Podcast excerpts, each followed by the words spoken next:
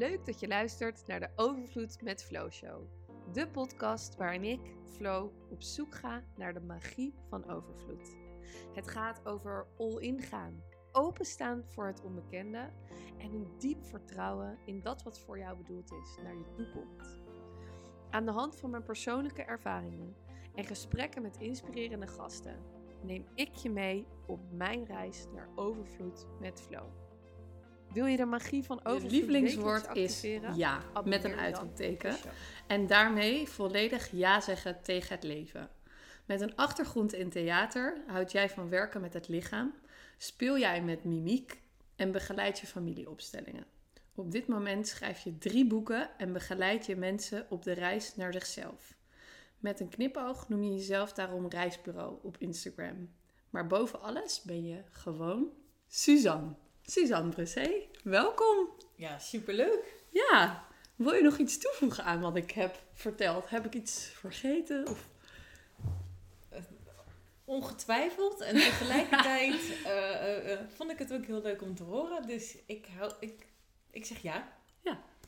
Ja tegen de intro en ja tegen de podcast. En eh, Ja, zo zitten we hier in Kom jouw eh, heerlijke huis. In de mooie, ja, hoe noem je het? Serre Ja. kamer. In de zon die net doorkomt. Om 11.33 uur. Prachtige tijd. Voor mij in ieder geval. ja, voor mij ook. Eh, de 33 Magic. En ehm, ja, vandaag heerlijk met jou in gesprek over overvloed. En ehm, jouw hele achtergrondervaring. Alles zal wel eh, ter sprake komen. Nou, misschien niet alles, maar wel heel veel. Alles. alles. Eh, in ieder geval een diversiteit aan onderwerpen. Laten we het daar eh, over ja, hebben. Dat komt helemaal goed. Ehm, ik heb jou leren kennen via Simone, een vriendin van ons allebei. En op een gegeven moment kwam ik op een moment in mijn leven dat ik dacht: Nou, dit blijft toch steeds maar terugkomen. Dit blijft echt een dingetje. En toen zei Simone ook tegen mij: Is dit niet iets waar je even voor bij Suus moet zijn voor een familieopstelling? Ja. En ik had al wel eerder gehoord van familieopstellingen, maar ja, wist niet echt wat het was. De, de invulling ervan van, oh, het gaat over je familie. Dat was een beetje wat ik, wat ik ervan wist. Als mensen nou niet weten wat het is, wil jij dan in jouw bewoording uitleggen wat familiesystemen, het systemisch werk of familieopstellingen, of welk woord je daarvoor het liefst gebruikt, uitleggen? Eh, ja, eh, en daarbij zeg ik gelijk, ik wil best een poging doen. Ja. Ehm, want, eh, laat ik daarmee beginnen. Een, een familieopstelling of een opstelling, systemische opstelling, zo kan je het ook noemen. Dat is niet iets wat je eigenlijk kan begrijpen. Het, je kunt het alleen maar ervaren. En ehm, net zoals dat we eh, iedereen die ermee werkt, die, niemand weet ook hoe het werkt. Eh, we kunnen alleen weten dat het werkt. Ehm, dus dat is gelijk al lekker vaag. en tegelijkertijd voor mij dus ook heel concreet. Eh, wat je doet, of laat ik even bij het begin, begin dat is misschien beter. Ehm, wij mensen leven allemaal eh, in diepe verbindenis, verbinding met ons eigen familiesysteem. En wat houdt dat nou in? Ehm, dat houdt in dat wij, eh, hè, we, worden, we hebben het leven gekregen via onze ouders, onze vader en onze moeder. Zij hebben het leven weer gekregen van hun ouders. Eh, dat zijn Mhm. onze, noemen wij deze personen opa's en oma's. Onze opa's en oma's hebben weer het leven gekregen via hun ouders. Dat noemen we dan weer overgrootouders. En zo kunnen we eigenlijk voor ons familiesysteem tot wel zeven generaties teruggaan. Ehm, en vaak horen daar ook nog wel eh, bepaalde broers en zussen, ooms, tantes-achtige mensen, personen bij. Ehm, alle kinderen. Nou, het wordt een heel groot veld. En ehm, ik noem dit een van de aardse wetten. Ik zeg er zijn twee aardse wetten. Misschien komen we daar zo meteen nog op terug. Eh, je hebt de aardse wetten van ritme en cyclus. Dat is heel belangrijk. Dus de wetten wat het leven op moeder aarde beïnvloedt. En je hebt de wetten van ordening. En daarmee bedoel ik dus dat we allemaal diep verbonden zijn met de wetten van het systemische, Mhm. eh, met onze familie. Hoe graag we dat ook willen en hoe graag we dat soms ook niet willen. Eh, Ja, willen vaak ook wel helemaal niet lijken op mijn moeder of eh, dingen wegduwen, wegstoppen. Ehm, maar er is dus een wet, ehm, en ik zeg echt een wet, als in dus een wetmatigheid. Wil het de leden van een familiesysteem, dus tot wel zeven generaties terug, goed gaan, overvloed ervaren, zo zou je het eigenlijk ook kunnen omschrijven, eh, dan dient alles en iedereen in dat systeem de eigen plek in te nemen Ja. eh, en er dus bij te horen. Wanneer iemand wordt uitgesloten eh, of, waar, eh, of wordt doodgezwegen, ehm, dan stroomt het al niet meer, want dan krijgt diegene niet de volwaardige plek die je Mhm. toebehoort. En dan moet ik eigenlijk op dit moment denken aan, in, in mijn ogen, een vrij simpel voorbeeld dat we allemaal begrijpen. Ehm, is bijvoorbeeld, mijn oma heeft een miskraam gehad. Ik zeg niet dat dit zo is, maar stel, mijn oma heeft een miskraam gehad. Daarna werd mijn vader geboren. Ehm, en oma had zoveel verdriet van het eerste kindje. Ehm, we, mijn vader heeft ook dezelfde naam gekregen. Nogmaals, dit is niet, niet waar overigens. Maar ja, ik bedoel, Ja, dit is ja, gewoon een voorbeeld, een voorbeeld, wat, ik, ja. eh, wat, ik, eh, wat ik doe. Hè, de vader, ik moet niet mijn vader zeggen, dan zou ik zeggen, de vader heeft ook, is ook vernoemd naar het kindje. En het eerste kindje wordt doodgezwegen. Dat is er niet. Zeker in de tijd van onze Mhm. grootouders werd natuurlijk nergens over gesproken. Zeker niet dat het emotioneel was. Gingen we vooral door met ons leven. En, ehm, en dus dat eerste kindje wat, dat, wat er eerst was, krijgt geen plek.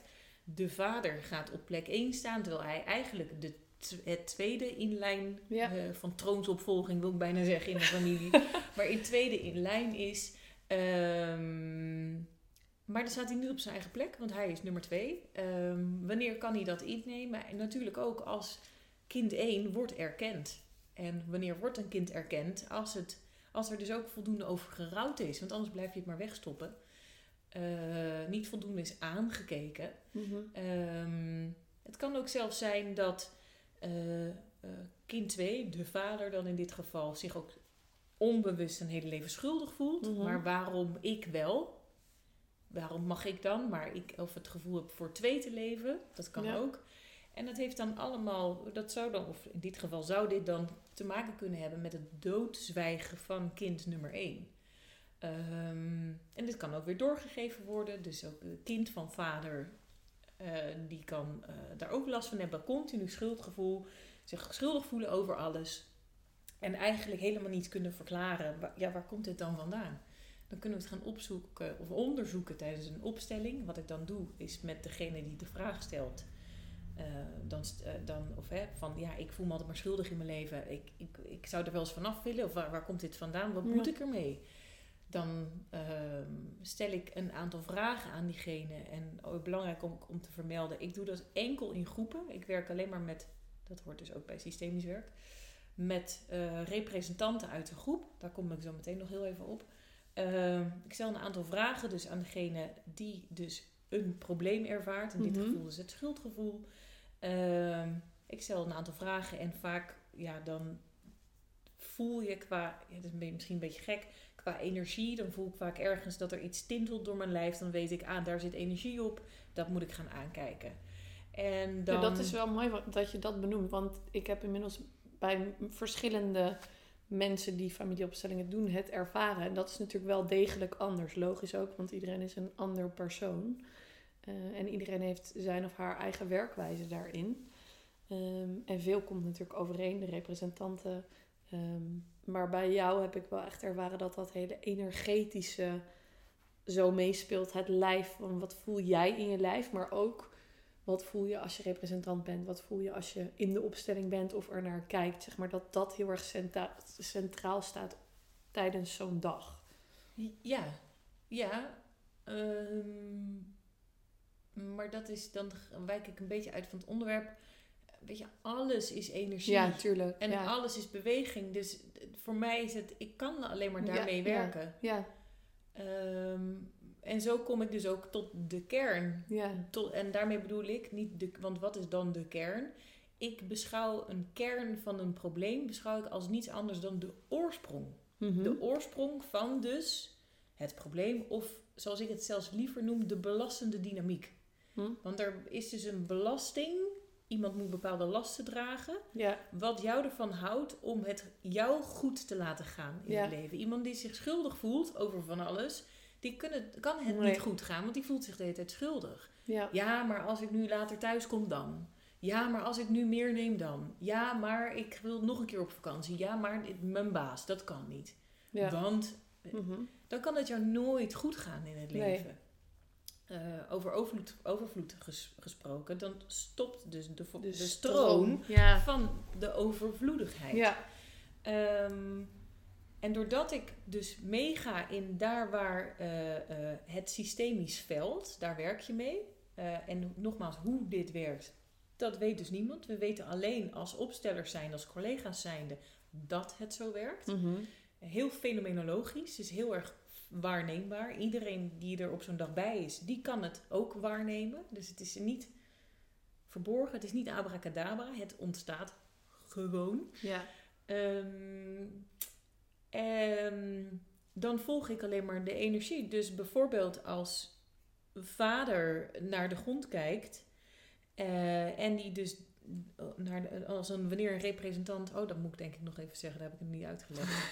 als een cliënt, dus eh, als ik voel, dat is het, waar, waarvan ik denk, ah wacht even, volgens mij moet ik dan beginnen met een representant voor jou zoeken, voor jouw vader en misschien nog wel voor nog iemand. Ik begin ook altijd heel klein, niet te veel, maar juist klein.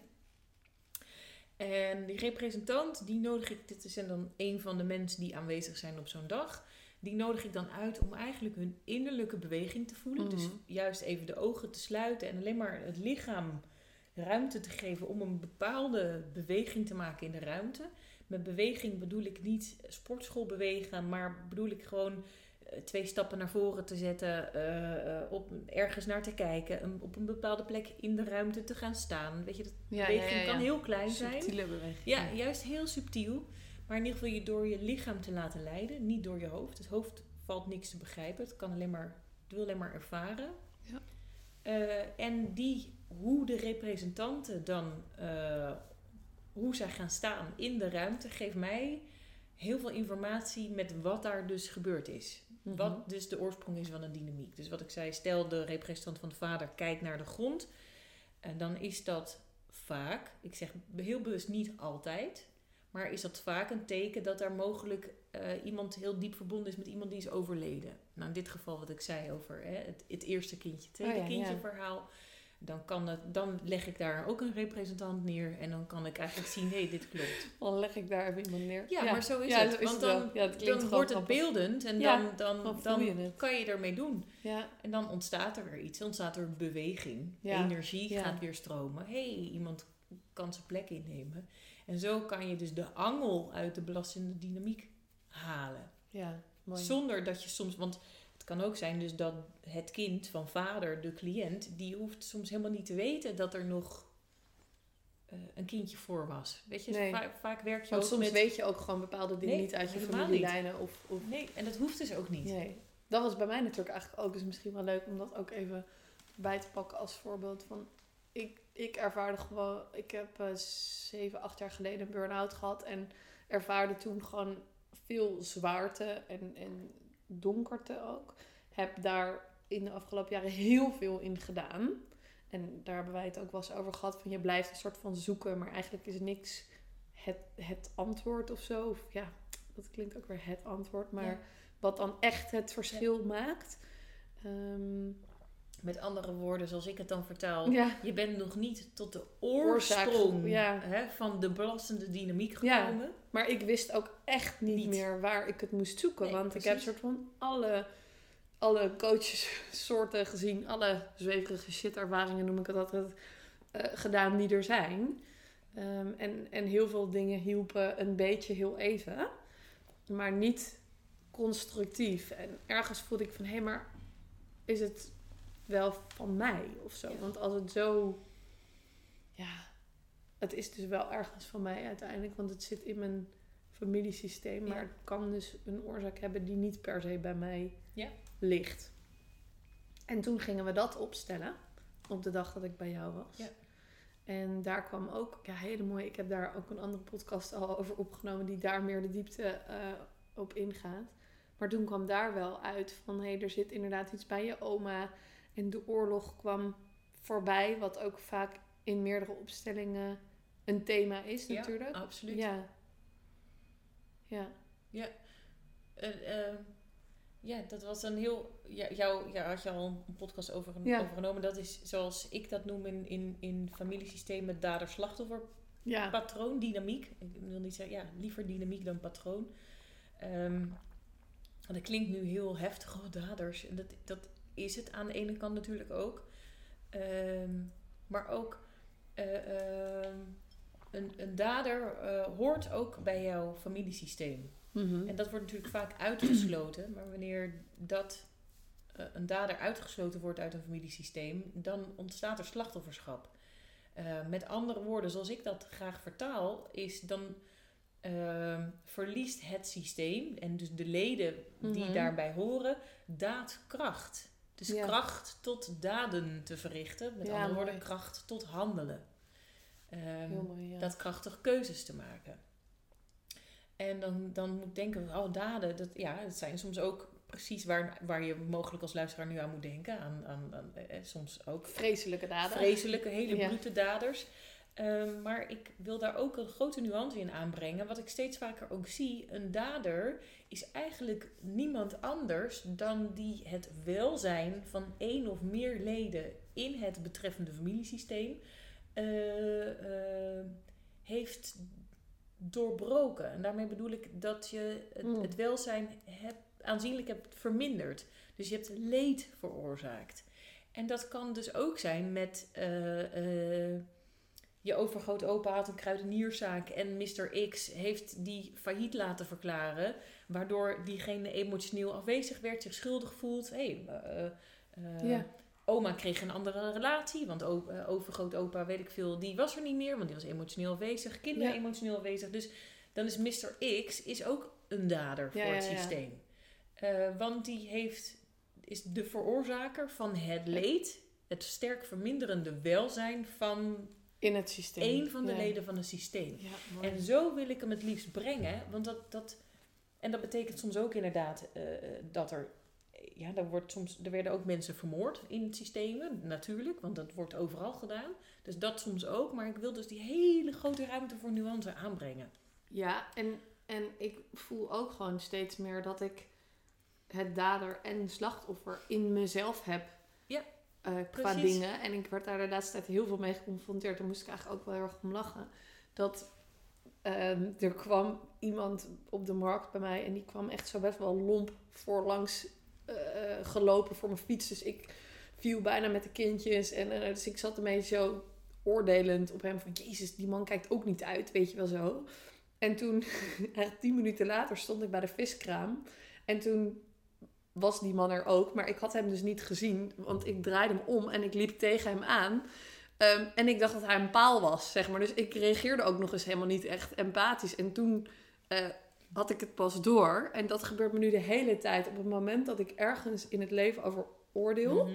krijg ik het echt binnen een paar minuten of binnen een paar uur... komt het terug in de andere beweging. Ja. Dus zo van, hé, hey, ik ben eerst hier het slachtoffer. Iemand loopt tegen mij aan, Mhm. plak er een scheldwoord achter.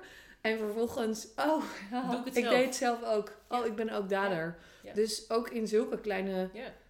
nuances zit voor mij ook dat dader- en slachtofferschap. En het zo kunnen zien helpt mij heel erg om iedereen dus Ja. ja, te accepteren of te, ja, empathisch te kunnen zijn naar daders en slachtoffers. Want het zit in ons allemaal. Ja, precies. En dat is natuurlijk waar het... ehm, als je dan kijkt met wat is dan... Waar werk je dan mee met, met systemisch werk of systemische familieopstellingen? Eh, het gaat vooral over de, de insluitende beweging. Ja. Dat alles erbij hoort. Met Mhm. andere woorden, zoals ik dat dus weer omschrijf. Ja zeggen tegen dat wat is. Mhm. Of ook ja zeggen tegen dat wat was. Ehm, al dat er is en ook al dat wat niet is. Mhm. Ehm, want dan komt er rust en evenwicht. Ja. Ehm, Maar dat is soms wel heel uitdagend. Ontzettend. Want daar gaat het ook heel diep. Omdat het soms dingen zijn die je gewoon Ja, echt niet, niet, niet, niet wil. Zoals wat Ja. je zei, ook wel echt niet op mijn moeder lijken in dit. Of ook wel echt hebben- niet... maar dat hebben we hiervoor besproken. Toen Ja. stond de microfoon nog niet aan. Dat is misschien wel goed ja. om te zeggen. Oh, ik dacht, kijk, zo natuurlijk voelt Ja. het. Dan Ja. klets je gewoon door. Ja, Ja, goeie, daar hadden we het over. Dat, Ja. dat, dat hoor ik vaak ook natuurlijk in mijn werkveld. Ehm, wanneer je zegt, ik wil niet op mijn ouders lijken, of ik, ik wil het vooral anders doen dan, Dan, mijn ouders ja. dat doen. Wat je dan eigenlijk doet, is dat je dan dus delen van jouw ouders uitsluit. Maar aangezien jij 50% je vader, 50% je moeder bent. En er zijn ook theorieën die zeggen: ik ben 30% mijn vader, 30% mezelf, 30% mijn moeder. Nou, prima, maar ja, maar in ieder geval een heel groot deel ben je je ouders. Ja. Eh, zodra je dat uit gaat sluiten, dan sluit je jezelf uit. Mhm. Kan het jou daar op die positie goed gaan in jouw leven? Nee. Ja. Daar stopt ook weer de natuurlijke De stroming van overvloed. Ja. Als we het dan hebben over waar, waar jij natuurlijk mee zit, ehm, waar jij over deelt. Ehm, dus ja, maar ik ga het anders doen. Dan, dan blokkeer je Ja. dat wat jouw ouders jou hebben gegeven. Mhm. Ehm, ook al als dat gegeven eh, pijn en verdriet is. Mhm. Ook dat wordt soms door ouders aan kinderen gegeven. Ja. Ehm, maar wanneer je daar nee tegen zegt, nou, dat wil ik niet, dan sluit je jezelf daar eigenlijk voor af. En dat is vind zeg ik je nee tegen, zeg je, alles. Zeg je nee tegen alles. tegen het leven. Zeg tegen- je ja. indirect nee tegen jouw eigen leven. Ja. En hoe kun je dan weer ja zeggen door te erkennen van de waarheid zoals die is? Ja. Hé, hey, mijn ouders hebben mij niet gegeven wat ik zou willen. Ja, ik als kind. Wat mijn behoeften, hé, hey, mijn behoeften als kind waren dus anders dan datgene wat mijn ouders mij hebben gegeven. Mhm. En dat kan een uiterst verdrietig eh, proces zijn. Ja. En dat, dat kan absoluut een proces van rouw eigenlijk ook zijn. Ehm, maar daardoor kan je wel op een gegeven moment ja tegen datgene zeggen wat je ouders je wel hebben gegeven. Dat is Mhm. namelijk het leven. Altijd. En ehm, Ja. ik zelf ben opgeleid door, eh, door Elmer Hendricks. Eh, voor iedereen die het interessant vindt, hij is volgens mij ook een keer in een podcast van Giel Belen geweest. Gewoon even lekker googlen en je vindt het wel. ja, die is mooi, die podcast. En ja, supermooi. En ehm, Elmer zegt ook van als kind heb je eigenlijk geen rechten van jouw ouders. Het enige recht wat jij hebt is het leven. Mhm. En Mooi. dat is wat je kan nemen. En dan is het mooi als je daar nog af en toe wat extra's bij hebt gekregen. Dan is dat leuk voor jou. Eh, maar in de kern, in de basis, is dat dus geen recht. Nou, vind ik Dit- wel echt mooi. Het is, Ja, het is wat het is namelijk. En dan laat je ook los... eh, hoe zeg je dat? Verwachtingen los. Mhm. Die je misschien hebt van je ouders. Of wat Ja. je anders had gewild. Ja. Of wat je anders had willen zien. Of... En dan hoef je je daar dus ook weer niet zo naar af te keren. precies af te keren. Ja. En dan hoef je ook naar je eigen kinderen niet te kijken van... hé, hey, ik Ja. moet hun van alles Nee, geven. Want, dan je hem, want dat heb ik wel nu de laatste tijd. Dat ik ook meer met familiesystemen bezig ben. Dat je ook dus jezelf bewuster wordt van hoe jij je systeem inricht. Wat je wel en niet doet. Ben je emotioneel of fysiek beschikbaar voor je kinderen? eh, wat dat dan Ja. weer voor hun gaat betekenen. Ja. En wat dat voor hun gaat betekenen, dat bepaalt maar één iemand en dat is je kind zelf. Ja. En want ik ben me bijvoorbeeld, overvloed gaat voor mij ook heel erg over kunnen onthechten. Ja. Alleen maar dus, nou ja, zelfs, ja, alleen maar op mijn eigen plaats gaan staan in mijn Mhm. familiesysteem. Als kind van mijn ouders en als ouder voor mijn kind. Ja. Als partner van mijn man, dus als vrouw van mijn man, dat is ook mijn plek. Eh, wanneer je trouwt, ben je ook, vorm je ook met je partner een systeem. Zeker als er kinderen zijn gekomen. Ook als je niet trouwt en je hebt kinderen, dan zit je ook in elkaar systeem overigens. Ehm, maar ook eh, wat je natuurlijk vandaag de dag heel veel hoort is hè, moederschap en ik doe dat voor mijn kind. Vind ik uiterst belastend voor zowel jouzelf als voor je kind. Eh, want daarmee ontneem je je kind de ruimte om het zelf te doen. Ja. Ehm, en dan eh, maak je het moederschap belangrijker dan het is. En heel zwaar. En heel Voor zwaar. jezelf. Heel Ja. zwaar. Ja. Eh, want ik ben, en dat is echt, ik onthecht mij de afgelopen jaren echt van de term moeder. Ik ben niet moeder, nee, ik ben slechts de moeder van mijn kinderen. Punt, Mhm. komma. Ik ben slechts het lichaam waarin zij hebben gewoond en waar ik, waardoor zij op deze wereld konden Mhm. komen. En ja, daarmee geef ik door al wat ik niet zie in mijn systeem, Ja. eh, al wat ik niet kan zien. En tegelijkertijd stop ik met doorgeven met al wat ik wel kon zien. ja, of wat je wel nu En wat ik wel heb wel- aangekeken. ja, ja. ja. En dat is inmiddels een hele hoop. En tegelijkertijd kan ik alleen maar aankijken dat wat ik kan zien. Ja. ja, en Punt. dus ook daar niet weer een Ding van maken. doel op zich van Oh, maken. van, oh, ik moet al deze dingen aankijken, Oh, want dan helpt het mijn kinderen. Ook Ja. daarover zegt Elmer ook... Of misschien is het Els van Stijn in de podcast met Giel. Dat weet ik eigenlijk niet. misschien allebei wel. En die mening deel ik. Ehm, want ik kan echt onwijs bezig zijn met het mezelf goed laten gaan in dit leven. En al de trauma's in mijn familie herstellen. Maar dat betekent dat ik ook niet aanwezig ben in het nu. Nee. Dus ben ik ook niet, doordat ik juist alles ga helen, stop daar natuurlijk mijn natuurlijke overvloedstroom. Want Ja. dan ben ik niet meer aanwezig in het nu van mijn kinderen. Want ik ben steeds bezig met, ik moet nog meer. Oh, het is nog niet genoeg. Het is Ja. nog... Ja. En ook eh, eh, heling, traumatechnisch, ja. is dat natuurlijk precies hetzelfde wanneer je ambitieus bent. Ja. En je nog steeds maar meer wilt Meer en niet tevreden bent. Het is precies hetzelfde. Het haalt je continu uit het nu. ja. Ehm, dus ik ben daar, eh, ja, je hoort daar ook op sociale media, eh, eh, word je daarmee doodgegooid, wat je als moeder allemaal wel niet moet. Ja, ik zou echt willen zeggen, ontvolg die account. Want het helpt, ja, ik meen Ja, het, want ja. het helpt je niet. Nee. Je moet nu, er is alleen maar nu. Nou, en dan ben je alsnog die accounts aan het volgen. En dan ben je dus ook niet in het hier en nu. Eh, Precies. Ja, ja.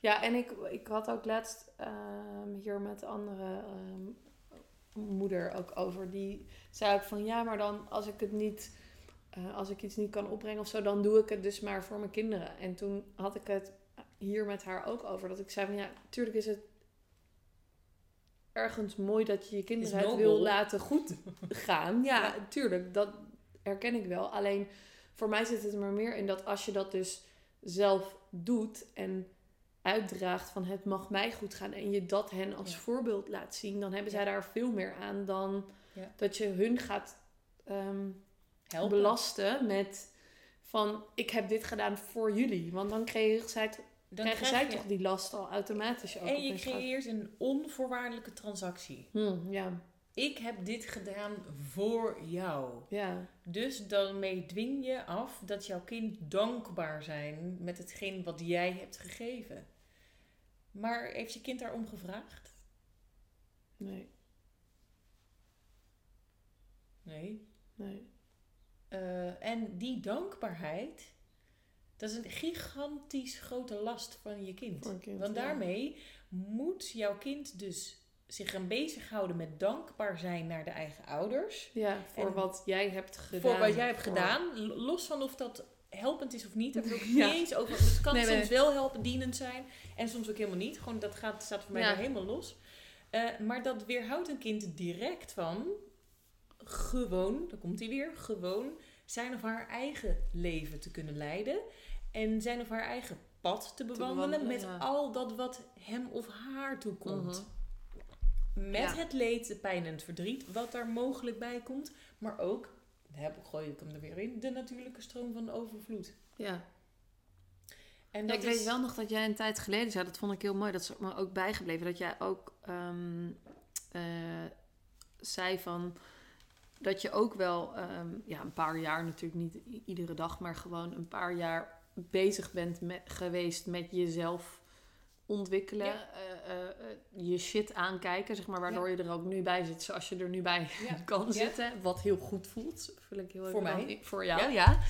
Ehm, maar dat je daarover zei van ja, ik ehm, weet ook niet wat dat voor mijn kinderen gaat betekenen in de toekomst. Dat ik dit wel of niet heb gedaan. Maar als ze daar meekomen later, dan durf ik ook te ownen of ervoor te gaan staan dat ik die keuze heb gemaakt. Omdat ik voelde dat dat Ja. voor mij de beste keuze was Ja. op dat moment.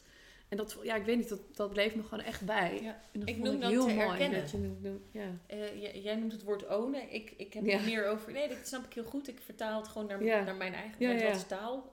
Eh, ik vertaal het naar mijn eigen taal en ik zeg, daarmee erken ik als mijn kinderen dus zeggen, hé, hey, maar jij was er niet in die eerste paar jaar van mijn leven. Dan kan ik zeggen, dat klopt. Dat klopt. Ja, En dat inmiddels, ja, ik voel ook dat het klopt.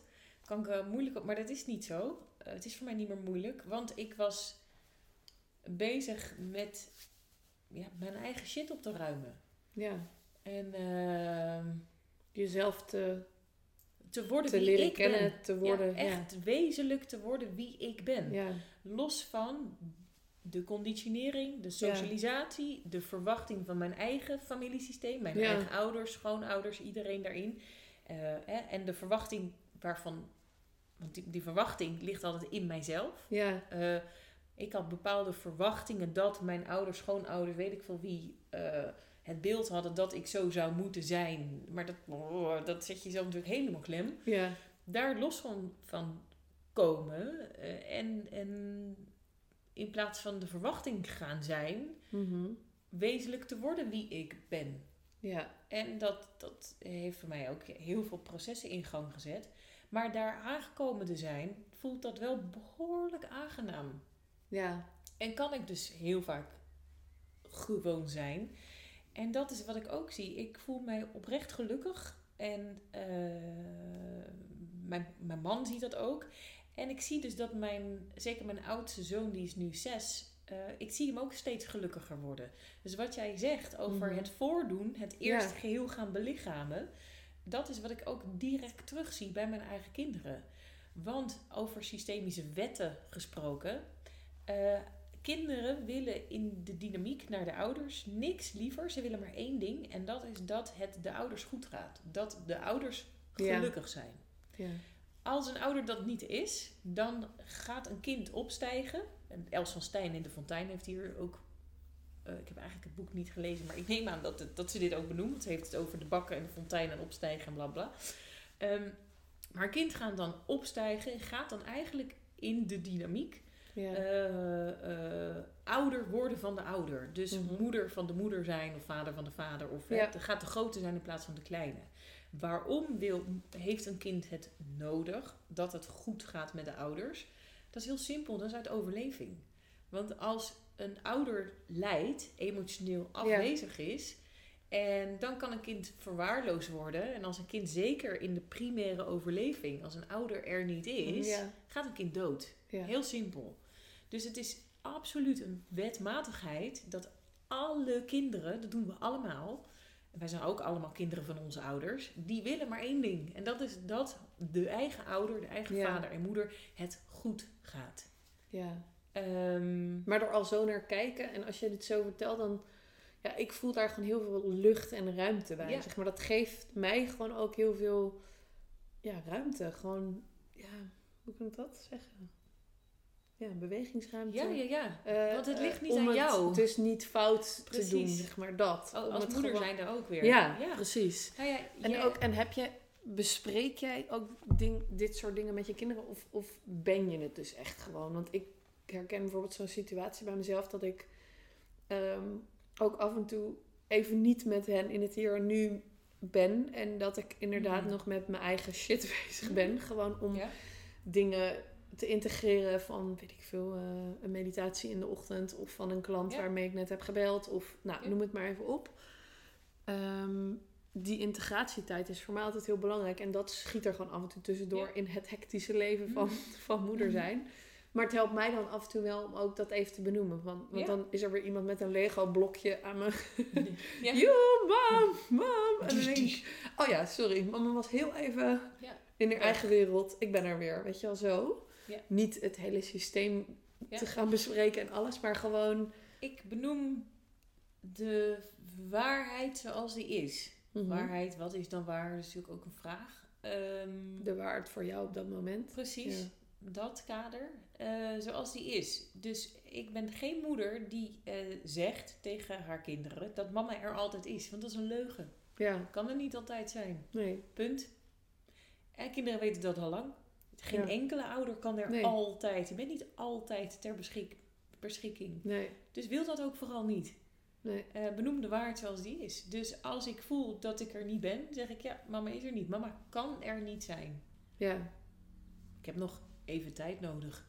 Ah, dan komt er vaak al direct ruimte waardoor het opeens wel lukt. Mhm. Of ook eh, ja mooi. tijdens de menstruatie, dat is, maak ik even een brugje naar de wet van ritme. Tijdens de menstruatie, de bedoeling van de menstruatie is dat je naar binnen gaat. Dat je echt in kunt Mm. tappen bij de wijsheid van jouzelf, de oerbron. Eh, Dat je dus eigenlijk eh, stopt met doen, maar gewoon echt alleen maar gaat zijn. En die dus eigenlijk altijd wel 48 uur ergens in mijn menstruatie waarin ik mij enkel beschikbaar stel voor mijzelf. En dat betekent dus niet voor mijn man, niet voor mijn kinderen, niet voor vriendinnen, vrienden, maakt niet uit, maar Mhm. alleen voor mijzelf. En dat, eh, daar mogen mijn kinderen dus ook best getuigen van zijn. Ze mogen dat zien. Ze mogen ook zien dat mama niet ziek is, dat, dat ze zich geen zorgen hoeven maken. Maar ik ben er gewoon niet en dat communiceer ik ook. En dan laat Ja. ik ook vaak zien, juist doordat ik die tijd neem, merk ik dat ik de andere 26 dagen van mijn eigen cyclus juist veel meer kan zijn. Omdat ik weet, Mm. die moment van, van echt rust, eh, waarin ik weer kan wortelen, wanneer ik kan aarden, kan zakken in mijzelf, Ja, ehm, die hoef ik dan niet eh, na te jagen op andere dagen, omdat ik weet dat het altijd weer komt. ja En dan ook heel erg organisch met mijn eigen cyclus. Ehm, dus op jouw vraag, deel ik dat ook? Ja, absoluut. Ja, mooi. En dan ben je dus daarmee ook wat je de situatie die je nu schetst ook alweer een voorbeeld, vind ik in ieder geval. Dat is dan even mijn Ja. waarde die ik daarin zie of aan geef. Een voorbeeld voor je dochter. Dat zij dat ook in de toekomst Ja. haar menstruatie of haar cyclus mag Ja, voelen, mag voeden, mag ervaren zoals, zoals die voor het is. haar is. Precies. Maar En- dat het dus wel oké is om, want hier kunnen misschien heel veel mensen wat van vinden of het is niet gebruikelijk om het zo te doen. Dat dat mag. En dat betekent niet dat zij dat ook hoeft te doen. Of, Nou, en ik koppel hem Ja. niet alleen naar mijn dochter, maar ik koppel hem ook naar mijn zoon. Ook mijn zoon leer ik dat je er gewoon niet altijd hoeft te zijn voor mensen. nee, niet aanwezig aan hoeft te staan te Nee, zijn voor mensen. en dat het leven dan gewoon doorgaat. En zij, ja, mijn kinderen mogen daar wat van vinden. Ja, iedereen mag daar wat van vinden. ja, Maar het verandert niks aan hoe ik het doe. nee. En, en daarmee belast ik mijn man ook niet. In de zin van, ik verwacht op die dagen helemaal niks extra's. Dus als mijn man zegt, weet je, ik haal één keer eh patat en de andere keer doe ik een pizza in de oven. Ik wou net zeggen, want dat was het jouw ding waar we het eerder ook over hebben gehad. ja, ja, ja, dat is voor mij echt soms zo'n dag van... een eh, grote bron van overvloed voor mijzelf. Is ook het toezeggen om gewoon patat af te halen. En Ja, wat ik daarmee bedoel is, je hebt, je hebt geen afwas daarna. Ja. Je hebt hou op. kinderen die gewoon blij aan tafel zitten eten, waar je geen. Ja, het niet. geen- nee, ja. ze eten het gewoon, ze zijn allemaal blij. Ehm, Ja, oh, ik, herken vind het zelf ook lekker. Oh, ja. Je mag, kan helemaal ontspannen, iedereen ontspant. Ja, Ehm, dus ook daar zeg ik volledig ja tegen. Ja. Want ik kijk niet zozeer naar patat als dat is slecht. Ik kijk soms ook naar de functie van patat op bepaalde dagen. ja, op het systeem. Ja, en ook Ja, dus op de bepaalde functie dagen. van patat op het systeem. En de, ja, de heerlijk. functie van patat, als je die goed inzet, eh, zeker wanneer je denkt van, Ja. ja, jongens, ik, het- ja, ik weet het even niet. Ga Nee. het dan niet beter maken dan het is. Zeg er ja tegen dat je het niet weet. En dan is soms de reddende engel patat. gewoon patat. Ja. Ah, ontspannen. Ah, oh heerlijk. Ik heb ook geen afwas. Oh, top. Ik kan even uitademen. Oh, mijn kinderen zijn blij. Ik heb geen gedoe aan tafel. Oh, dan heb je door dat patatmoment... heb ik vaak, zeker als ik dan richting mijn menstruatie ga... en ben gewoon moe word... Ja. in mezelf verkeren... en ik sta mijzelf de mogelijkheid tot patat halen... dus niet zelf Ja, maken, maar halen toe... Ja. Eh, dat maakt dat ik dan ook kan uitademen. Mijn man kan uitademen. Er is geen afwas. Mijn kinderen zijn blij. Dat dus ik direct uit de weerstand stap. Van, ah, ik word moe, maar ik moet nog dit, ik moet nog dat. Ik moet Ja. kinderen nog naar bed, onder de douche, blablabla.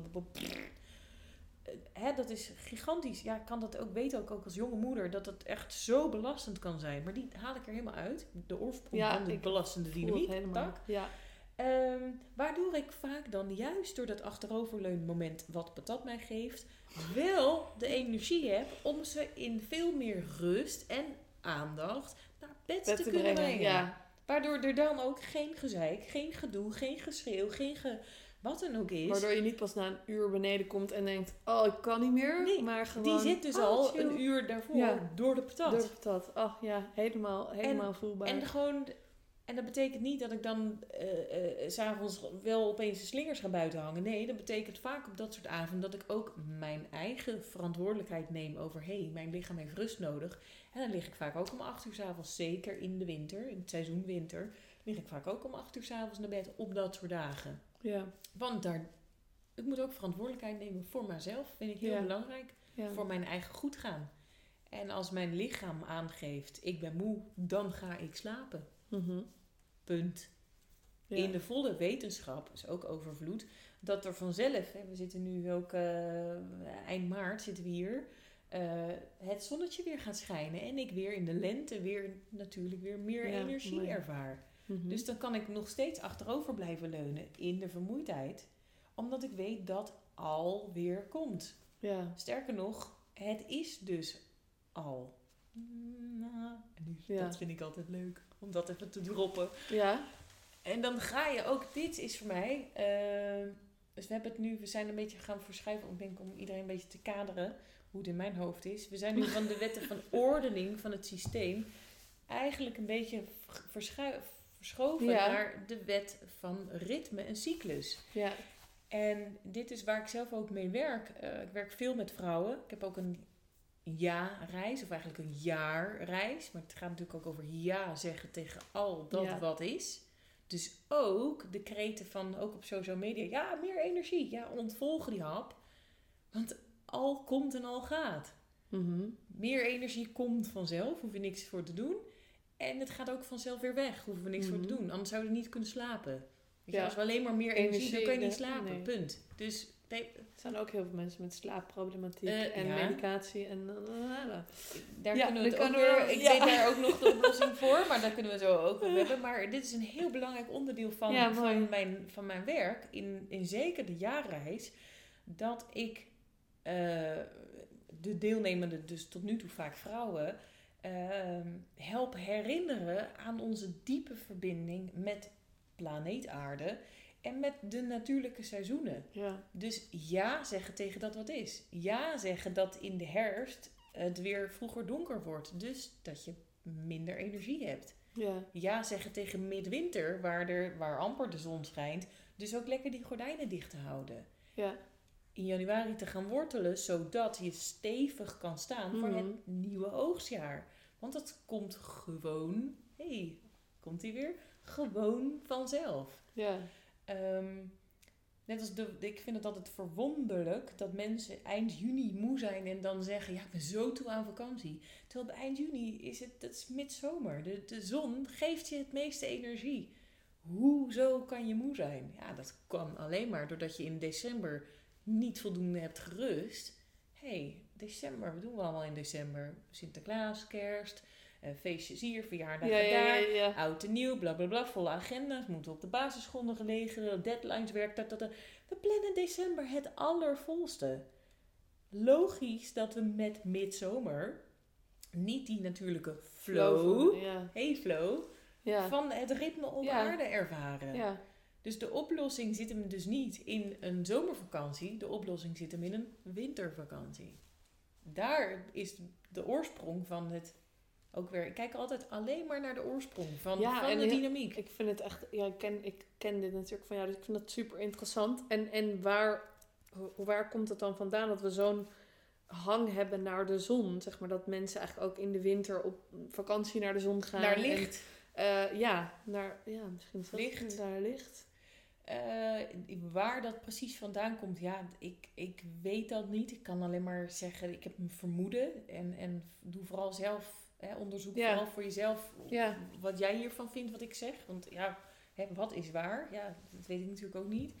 Ehm, enerzijds komt dat? Nou, misschien is dat wel hetzelfde thema hoor. Misschien zeg ik Mhm. nu twee dingen wat eigenlijk hetzelfde is. Eh, maar enerzijds is dat natuurlijk door de collectieve overleving van, van datgene wat we als samenleving gecreëerd hebben, of eigenlijk als maatschappij. Mhm. De overheid hoort daar ook bij. Even voor eh, alle luisteraars. eh, de, samenleving, over, de maatschappij is niks anders dan samenleving plus overheid. Dat noemen we de maatschappij. Ehm, eh, en dat is alleen maar hè, het door, door, door moeten. Moeten presteren, Ja. moeten leveren, moeten geven en dan altijd meer. Mhm. Ehm, en dan hebben Ja, want daar dacht ik net ook aan. Van in juni zo'n behoefte hebben aan je vakantie. Is Ja. ook als je bijvoorbeeld een baan vervult. Waar je gewoon niet vervuld van raakt. Nee, ja, precies. ja, dus dan is het weer in dat, Dat is- moeten. Van, Nou ja, oh, en dat is de, de, de, de, eh, hè, de, ehm, eh, waar alles waar je, waar je moet of wilt, ja, daar ga je dus voorbij aan je Ja. primaire behoeften. ja. En die, maar dan... Ik, die, Oh ja, en daar kwamen we op voor het gesprek. Dat, voordat de microfoon aanstond. Mhm. Dat tegennatuurlijke. ja, Want toen zei jij... eh, ja. even kijken hoe het nou ook weer ging hoor. Ik, we, had- hadden we Hadden het over een kalendermaand? Nee. Nee, we hadden het over ehm, dat achteroverleunen. Willen, ja, willen en, eh, en ambitieus zijn hadden we het ambitieus over. eh, zijn en, en dat dan achterover mogen leunen daarin. Toen zei ik, oh ja, dat voelt zo tegennatuurlijk. En toen Ja. zei jij ook heel terecht, maar dat is dus juist eigenlijk super natuurlijk. Ja. Het, Ja. Dat is natuurlijk. Alleen er is... en daardoor dus ruimte geven aan de natuurlijke beweging Ja. van jouw eigen leven. Ja, mooi. Dat is het. Want als je achterover gaat leunen, dan kan en je op je eigen plek staat in je eigen familiesysteem. Want anders dan wordt jouw leven niet, glijdt niet door je heen, maar het leven of het Ja. van een ander. Mhm. Dus als je op je eigen plek staat in je familiesysteem, dan kan je achterover gaan leunen. En jouw eigen leven stroomt gewoon door jou heen en ontvouwt zich precies zoals de bedoeling. Ja, mooi. Met, met Oftewel de overvloed. good en de bad. Voor mij is dat Precies. overvloed. Ja, ja. voor mij ook. ja. De natuurlijke stroom van het leven. Dat is wel altijd een van de vragen die ik stel in een podcast, maar Ja. nog niet had gevraagd. Ah ja, Maar, maar, wat is overvloed voor nee, jou? we, we hadden het net over wat je zei over het achterover kunnen Ja. leunen. Dus, en dat, ehm, dat is natuurlijk, wat jij zei, dezelfde conditionering als het maar meer willen, willen door, nog meer. Ehm, we, we leven natuurlijk in een wereld waarin we onze primaire behoeften eh, willen bypassen. Mhm. willen vullen in plaats van vervullen. Dus we vullen dat met nog meer materieel, nog meer geld, nog meer vriendschappen, nog meer to-do's, nog meer eh, festivals, nog meer vakanties, nog meer bla bla bla Mhm. chocoladevla. Ja, weet ik veel waar mensen het allemaal mee vullen. Ehm, Werken ja, ook. werken, ja, alles maar doorgaan. Maar niet uit. Maar in ieder geval meer Eten. in ieder geval Meer, van... meer van, Mhm. noem het. Maakt niet eens uit. Meer van. Maar dat vervult niet. Het vult enkel die leegte die eh, eerder in je leven is ontstaan. Ja. En eh, dit is maar... Jij hebt de inleiding gezegd, ik ben een, drie boeken aan het schrijven. Hier, dit schrijf ik dus ook uit in mijn boek. Hoe dit allemaal samenhangt. Ehm, en dan kom ik dus ook weer een stukje op dat familiesysteem. Ehm, wanneer ik van een van mijn ouders niet heb kunnen krijgen wat ik als kind had willen krijgen. Mhm. Met andere woorden, waar mijn als kind of als baby mijn behoefte zat. Eh, dan ga ik dat later altijd proberen te vullen. In plaats van de oorsprong aan te pakken en te gaan Mhm. durven zien dat de waarheid is zoals die was. Ja. Ehm, dus als ik als stel mijn eh, een moeder heeft haar dochter honderd keer vastgehouden, maar de dochter had behoefte aan duizend keer, dan heb je dus een tekort en dan kan je eh, als mens gedachten ontwikkelen als ik ben niet goed genoeg of ik ben het niet Mhm, waard, want mijn, ja. hè, mijn moeder wil, wilde, wilde mij niet vasthouden. Of eh, eh, ik ben lelijk, ik ben dik, ik ben hè, niet, Niet goed, goed genoeg, genoeg, niet waard, niemand ziet mij, het ligt Ja. altijd aan mij. Dat soort gedachtenpatronen, hè, dynamieken noem ik dat eigenlijk, kunnen dan ontstaan. Ja. En, eh, en het kan ook zijn dat je overambitieus bent. En niemand ziet mij willen presteren. Ja. En dan vooral afhankelijk gaat worden van jouw eigen prestatie. In de vorm van dat je dus hoopt dat je dan complimenten gaat krijgen. Een ander willen helpen. Ook zo'n Ja. mooie. Klinkt natuurlijk onwijs nobel. We hebben daar in onze kleuterklasse ook al alle stickers op gekregen. Als jij een ander wilde helpen. Ah, goed. En als jij daarop nee zei, dan had je dat fout. Dan kreeg je geen sticker. Eh, maar daarbij ga je natuurlijk direct voorbij aan jouw eigen behoeften. Ja. Misschien wil je niet helpen. Misschien wil je niet je pop delen. Want jij bent er net zo lekker mee aan het spelen. Mijn pop. Het is even mijn pop. Ja. Flikker op met, eh, met dat buurmeisje wat er weer mee Samen. komt spelen. Samen, Flikker samen. op met samen. Ja. Ik, wil, ik wil gewoon. Het is mijn behoefte. Ik ben mijn behoefte ermee aan het vervullen. Dit herkennen denk ik alle moeders wel van hun, eh, van hun eigen kind. Ja, en dus ook van jezelf. Mijn, mijn, Weet je, mijn, waar heb je altijd moeten delen, terwijl jij dat in primaire zin niet wilde delen? Ja. Maar dan creëer je dus een overlevingsmechanisme als eh, ik wil een ander helpen, want Mhm. dan word ik gezien en erkend. Dan wordt mijn behoefte vervuld. Want dan doe ik het goed. Krijg Ja. ik goedkeuring. ja, ja. Ehm, maar dat is natuurlijk helemaal niet. Dat is helemaal niet waar het over gaat. Het gaat in de kern dat je mogelijk boos bent op je buurmeisje, op je moeder, op weet ik veel wie. eh, want je wilde niet delen. Nee. Potverdorie, kortstart. Ja, mijn pop. Rot op Ja. met je hele weet ik veel wat. Ja. En hoe vervul je dan die behoefte ook weer in een opstelling door de beweging in eerste instantie te maken Mhm. die gemaakt wil worden. Dus door iemand weg te duwen als je dat wilde doen. Ja. Door nee te schreeuwen. Ja zeggen is vaak ook nee zeggen. Ja. Ja. Maar dat mag allemaal niet, want we moeten lekker stilzitten. Mhm. Rustig praten. Luisteren naar de ander. Ja. Niet schreeuwen. Ja. Nee, nee. ja, ik zeg nu ook heel vaak tegen Toon, oh schreeuw het er maar uit. Ja, Hup, ik ook. gooi het er maar uit. Gooi het Kom maar, jongen. Kom maar. Laat En dan maar is het meestal ook binnen drie seconden is het ook gewoon weg. Precies. Ik zeg dan ook altijd, dat heb ik, zeg ik ook al jaren tegen mezelf. Zeg ik, eh, eh, bijvoorbeeld als ik even moet huilen, dan zeg ik altijd, oh ik moet even huilen. En dan voel ik daarna, oh dan kan ik weer door met mijn leven. Ja. Zo ervaar ik het. Ja. Dus de, er wil iets gezien worden, een Ja. emotie, een gevoel, weet ik veel. En ik laat het gaan. En dan voel ik, ah, nu kan ik weer door met mijn leven. Dat zeg ik ook met mijn kinderen. Huilen is helen, zeg ik altijd Ja. thuis. En boze, maakt niet uit. En nu, mijn, eh, mijn zoon zei ook laat, ah, lekker mama, nu kan ik weer door met mijn leven. Ik denk, ja, goed zo jongen. Doe maar lekker. En dan is hij weer eh, in zijn sas, weet ik veel wat hij dan doen is. Ja. Ja, en dan inderdaad die, die daarmee, ehm, hoe zeg je dat? Daarmee eer je ook de emoties die we dan bestempelen vaak als negatief of lager of minder goed. Weet ik veel. Bestempel je ook gewoon als net zo waar slash waardevol als the good ones. De Het, het is slechts. Ja. Ja. Het is slechts. Maar daardoor, dat helpt mij, mij altijd, oké, hup, huilen. En dan is het ook gezien en is het Uit weg. je En is het hup. Ja, Ja. Letterlijk en figuurlijk uit Ja. het systeem.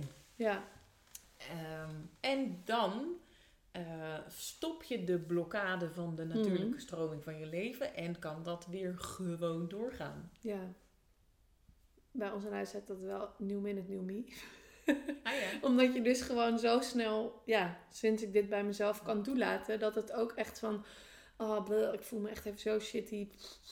Oké, pak maar even je moment boven. Of eh, zegt Thijs, als hij er is, dan kan dat, weet je. Of Ja. s'avonds even. En dan eh, ja, ben ik meestal binnen... Alleen al dat moment mezelf toestaan, zorgt er alweer voor dat het eigenlijk binnen vijf minuten alweer klaar is. En Ja dan denk zeggen. ik, oh, lekker naar beneden, naar mijn kinderen. Weer in de gezelligheid, in de... Ja zeggen tegen dat wat is. Ja, ja. Zo fijn. ja. Ja. En dat is dus ook soms hardop uitspreken, nee, nu even niet. Ja. Dat is dus voor jouw eigen behoefte ook ja zeggen. Ja. Ja. ja. Ehm, je had het over Ja, dus de wil, want daar hadden we het over, over het achterover kunnen leunen. Ja, want dat Ja. is natuurlijk onze conditionering. En dat is ook eh, ambities, eh, financiële zelfstandigheid. Natuurlijk ook zo'n enorm programma van jemig, daar belasten we onszelf gigantisch mee.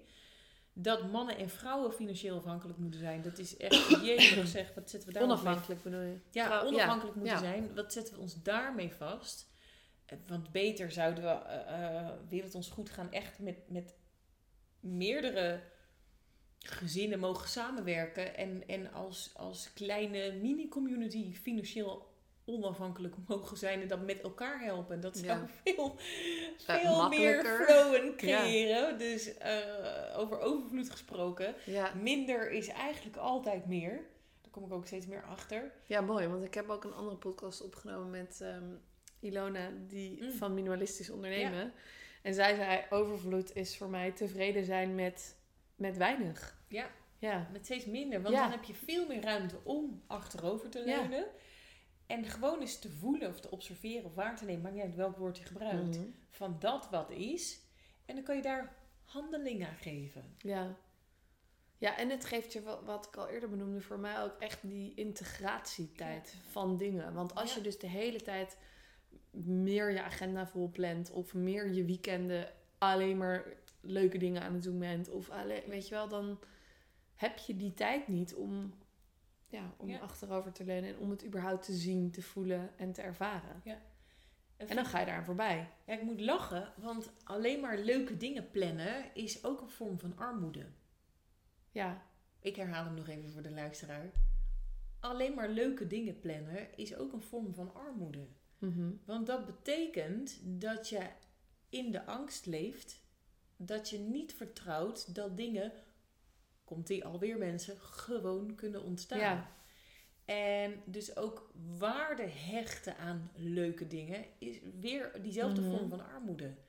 Want als ik, zodra ik me aan iets ga hechten, eh, of iets vast wil houden, bij me wil houden, ook al is het leuk, dan stopt daar weer direct die natuurlijke Die stroom. stroom. Ja, dit vind ik even mooi wat je nu benoemt. Want ik herken dit wel, de- wel ehm, gedeeltelijk van mezelf. Ehm, hoe ik hem net eigenlijk even bedoelde was eh, dat je alleen in het weekend leuke dingen Mhm. mag plannen. Mhm. soort van. Terwijl ja, ik ben ook gisteren op maandag Elke lekker dag. naar het strand Ja, geweest. ja. Omdat we daar zin in hadden Ja. en dat kon en dat ontstond. Ja. Ehm, dus zo zat hij voor mij. Maar ik herken het wel. eh, ja, wel, wel gedeeltelijk. Maar wat je, je eerder deelde je ehm, over van overvloed is voor mij het onthechten van. En toen begon Mhm. je een zin, maar toen raakten we ergens anders Ah, ja, ja. naartoe. Maar dat vond Ja, ik wel even nou mooi. ja, eh, eh, overvloed is voor mij überhaupt onthechten. Mhm, Onthechten aan eigenlijk alles. mhm. Dus ook aan leuke dingen, ook aan niet leuke dingen. Onthechten aan emoties. Ik ben dus niet mijn blijdschap, ik ben niet mijn geluk, ik Mhm. ben niet mijn emoties, ik ben niet mijn boosheid, niet, ik ben het allemaal niet, mijn verdriet. Het glijdt enkel door mij heen en het gaat dus ook weer weg. Ja, En daarmee ontvouwt er een continue stroom van hier en nu kunnen zijn. ja. En is er al streepje tijd, mhm. ruimte voor dat wat zich aandient. Dus het grappige is, sinds ik eh, eh, geen agenda meer heb, niet meer plan, niks meer vastleg, heb ik alleen nog maar tijd. Als mijn zoon vraagt, ook, eh, kom, we gaan een spelletje doen in de tuin, dan heb ik altijd tijd. Mhm. En dan doen we van alles. Ehm, als mensen opbellen, kom je? Ja, ik kan altijd. En tegelijkertijd wil ik dus niks. Ik wil, ik wil geen leuke dingen doen. Laat met wat ik daarmee bedoel is, ik ben er niet naar op zoek. Mhm. Ik jaag het niet na. Ja, het, het onthechten ook van iets najagen. Het Absoluut. van, Van alles. van alles. Ja, maar echt. En dus echt in die, de achteroverstroom terechtkomen. Want dat heb ik absoluut ook moeten oefenen. Mhm. Ja. Ehm, maar het is zo bizar aangenaam. Ja. En dat het is iets anders dan dat dingen je overkomen. Want dan leidt het leven jou in plaats van jij Ja. je le- leven. Mhm. Dat ja, is andersom. Ja. Eh, want ik ben er helemaal in aanwezig. En ik maak nog steeds de keuze wel of niet. Ik zeg nog steeds ja of nee. Ja. Ehm, maar er is dus geen maar. ik zei net maar. En toen dacht ik, ja, die is er dus niet meer. Er is dus geen maar. Nee. Er is dus alleen maar. Alleen maar. Ja. Mooi. Eh, dat is het. En dat is. Maar dan kom je natuurlijk uit op hele wezenlijke vragen. Wie ben ik dan? Mhm. Wie ben ik dan als moeder zonder mijn moeder? Zonder gehecht te zijn aan het moederschap? Wie ben ik dan als dochter van mijn ouders zonder gehecht te zijn aan mijn ouders? Wie ben ik dan als vrouw van mijn man zonder gehecht te zijn aan mijn man? Ja. Wie ben ik dan als vriendin zonder gehecht te zijn aan mijn vriendinnen? Wie ben ik dan bla bla bla bla bla? Mhm. Wie, Dat zijn er nogal wat. wie ben ik? Ja. Ja. En dat is in, voor mij waar dat, dan, ik voel altijd, men, sommige mensen krijgen kippenvel, ze voelen dat iets klopt. Ik voel altijd een enorme golf van rust. Dat merk ik nu ook aan mezelf. Dan weet ik, dan klopt het voor mij. Ja, mooi. Dat is ook altijd een vraag die ik ook in iedere aflevering namelijk stel. Hoe, hoe voelt overvloed voor jou in je lijf? Ja. Maar dat is denk dan Als een eigenlijk dit... Ultieme Ja. vorm van Ja. rust. Ja. Helemaal een, een overvloed aan rust en ontspanning. Ja. Heerlijk. Ik Ja, word er ook helemaal rustig van. ja dat is wat ik, wat ik echt ervaar. Ja. En, ehm, en dan kom je weer, waar wij het vaker over hebben gehad, op de, zoals jij noemt, joy. Ja. Ik noem dat zelf vreugde. Ja. En dat is waar, waar ik dan heel veel ruimte voor heb. Mhm. Voor non-stop momenten van vreugde. Ja. En ook daar hecht ik me niet aan. Ook dat ja, jaag ik niet na. Het is er gewoon. Mhm. En hoe, even in praktisch, vind ik ook leuk voor de luisteraars, van hoe doe je dat dan praktisch met je zoon? Van als hij vraagt of ik wil spelen, dan heb ik alle tijd. Wat heb je daarvoor ingeregeld dat dat zo kan in je leven? Want er zullen ook heel veel mensen zijn die zeggen, hé, maar ja, eh, ik moet wel eh, dit doen, ik moet wel dat doen. En natuurlijk heb je daar een heel proces naartoe, maar kan je daar inzicht in geven van hoe je dat ja, zo ingericht hebt dat je dat nu voelt op deze manier. En dat Ja. dat ook kan. Nou, dat, dat betekent eh, eh, heel veel vertragen. Mhm. Heel veel vertragen. Volledig uit de ratrace stappen. Ehm, dat. En dat, maar dat is al een hele grootse Ja, stap. voor veel mensen. Ja, want hoe, hoe, hoe doe je, zeg ik hoe tussen Ja, aanhalingstekens, ja, hoe ja, doe je ja. dat? Eh, eh, door, eh, en dat kan iedereen, ook al ik werk voor mezelf, maar ook al werk je in loondienst, dan kan dat alsnog gewoon eens minder afspraken in je agenda zetten. Ja, en ook als je ergens naartoe gaat fietsen, gewoon langzamer gaan fietsen, langzamer gaan lopen. En met langzaam bedoel ik langzaam. ja. Dus en niet- ga dan eens om je heen kijken. Dus Mhm. ga eens gewoon, als je heel langzaam loopt, kun je alles wat jij, waar je langs loopt, kun je zien. Mhm. En dan ga je ook zien dat die eenden in die vijvers nu in deze tijd van het jaar elkaar gaan opzoeken. En dat ze aan het aftasten zijn, dat ze weer van elkaar gaan zwemmen. En dan zie je zo'n aantrekkingsspel in de natuur. Dan ga je ook die prachtige bloemen zien, omdat je ze ziet. Mhm. Ehm, en dat, dat zijn ook al gigantische momenten voor mij van overvloed. Dat je ziet dat er op moeder aarde geen tekort is. Ook al vertelt de media en de overheid anders. Maar enkel overvloed. Mhm. Ja. Er is alleen maar overvloed. Maar dat moet je gaan zien. Hoe doe je dat? Door langzaam, zo Ja. langzaam te lopen. Zodat je kan zien waar je langs loopt. Ja. Ehm, en dat is hetzelfde. Dat als dus mijn zoon eh, behoefte heeft aan te spelen, dan moet ik in eerste instantie zien dat hij behoefte heeft om te spelen. Mhm. Dus daar heb je diezelfde vertraging voor nodig. Ja, want als jij eh, je hele huis aan het opruimen bent, aan het rennen en vliegen door... eh, Ja, door alles, Dan dan, heb- ja. kan ik dat niet zien. Nee. Want is er geen ruimte, dan zie ik de behoefte van mijn kind niet. nee. En daarbij is het dus ook soms nee zeggen. Want wat ik ook zei, tijdens mijn menstruatie, dan ben ik er niet. Nee. Maar dat maakt dus dat ik er op heel veel andere dagen wel kan zijn. Soms ben ik ook gewoon, heb ik ook opstellingsdagen. Maar dan is mijn man thuis. Mhm. Dus dan doet hij dat. Dus ook dat, je hoeft dat dus niet. Ik ben dus niet 24-7 beschikbaar voor mijn kind. nee. Ehm, maar het ontstaat veel vaker. Gewoon.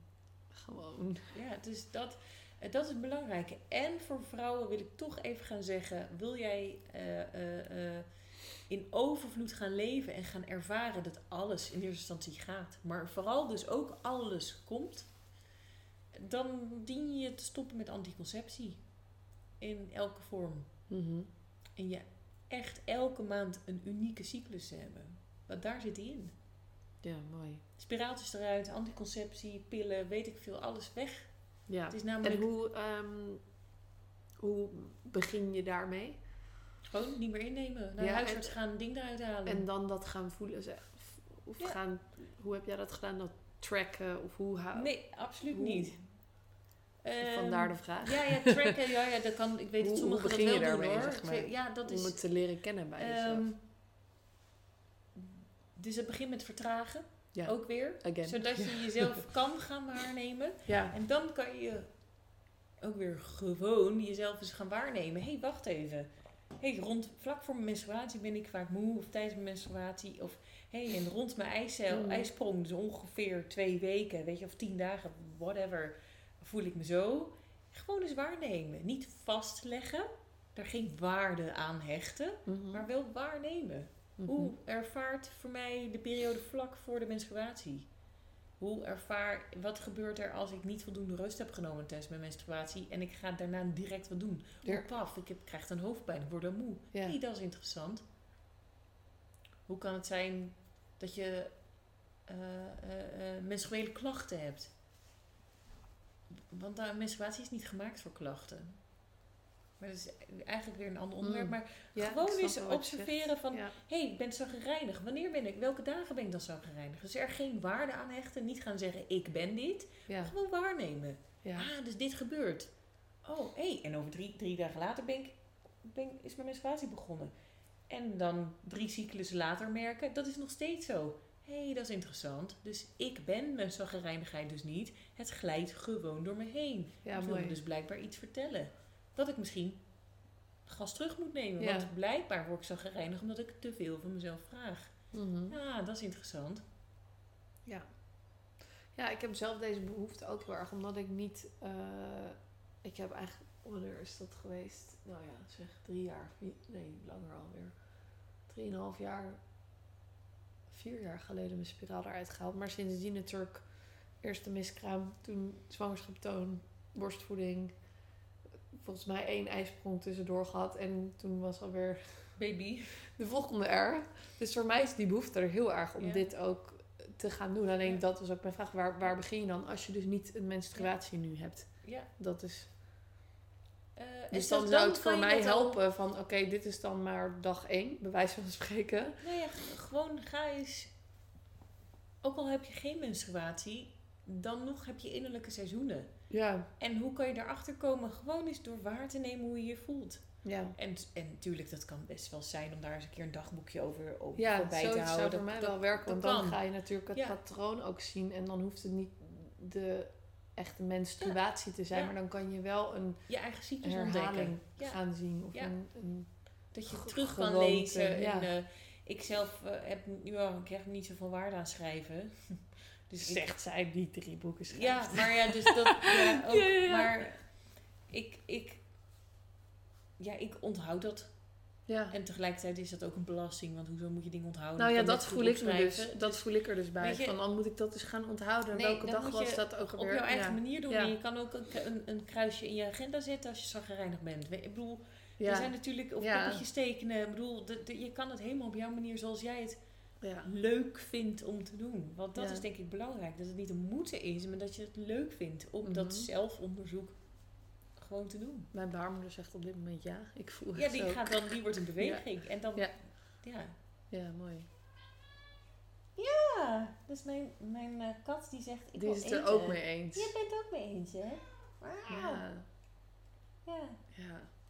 Oh, van deze chiller kunnen we zoveel leren. ja, wat goed. best- Overvloed, liggen Ja, hij in heeft het echt zonnetje. overvloed. Ja. Heerlijk. Hij is de beste chiller van de wereld. Echt, hè? Heel, heel cool. Ja, hè? Ja, heerlijk. Hij zit er zo ontspannen en chill bij. Heb jij nog een vraag? Hoe lang zijn wij Nou ja? We zijn is nu wel lang, een denk ik. uur en vijf minuten aan het Oh, kletsen. lekker. Ja, Ik moet namelijk heel erg nodig plassen. oké. Komt door de thee. Dat mag. Dan zet ik hem even op pauze. Of zullen we hem afronden? Is het gewoon, is dit wat Misschien het heb is? je nog een vraag. Nou ja, ik zat net even nog te, te denken, als je de blaas het nog even volhoudt. Ja. Van ehm, of je alleen nog inzichtelijk wil maken wat je als patronen die overvloed blokkeren, veel tegenkomt in de opstellingen. En dat zijn er waarschijnlijk ongelooflijk veel. Dan ga ik eerst even plassen, Maar- komen we zo nog even terug. Ja, doen we dat. Oh. Zo, we zijn even naar de wc geweest. Ja. en eh, mag je nog even antwoord geven op deze mooie vraag? Ja, wat ik tegenkom, wat de... Leuk dat ik dat zelf zeg over mezelf. Mooie vraag, hè? Ja, hele mooie vraag. Goed gedaan. goede vraag, compliment. Ja, compliment. ongelooflijk. Goed gedaan. Nee, ik zeg het zelf wel. nee, ehm, wat over, overvloed blokkeert. Ehm, ja, ik kom daar heel veel in tegen. Omdat overvloed blokkeer je vrij snel.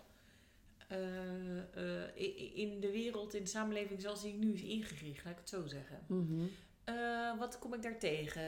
Het willen helpen van een ander is een hele belangrijke. Dus het Ja. willen gelukkig maken van je ouders, willen gelukkig maken van je kinderen, willen helpen, gewoon maakt niet uit van wie dan ook. Daarmee eh, maak je jezelf onnodig groot, dus stijg je op, sta je niet meer op je plek. En belangrijker, je belast direct degene die je wilt helpen. Mhm. Die maak je kleiner. Ja, mooi. En die moet je dan ook nog, die, daarmee zorg je er ook voor dat diegene, wat jij al eerder zei, dankbaar moet zijn. Dus dat je kinderen ja, dankbaar ja, ja. moeten zijn. En dat is een uiterst belastende situatie. Mhm. Dus een ander willen helpen of een ander gelukkig willen maken. Van betekenis willen zijn voor een ander. Mhm. Of dat dan je partner, je kinderen, je ouders is, maakt niet uit. Dat is, daarmee stopt overvloed direct. Ehm, willen, dingen willen. Daarmee stopt eh, overvloed ook. Mhm. Dus dat je eh, eh, dingen anders wil. Met andere woorden, uit het nu ook stapt. Ja, of zo graag willen. Zo graag Ja, willen, ja, zo graag verlangen. Eh, meer willen, nou ja, dat, dat. Daarmee stopt overvloed ook. Ja. Of in ieder geval de natuurlijke stroom.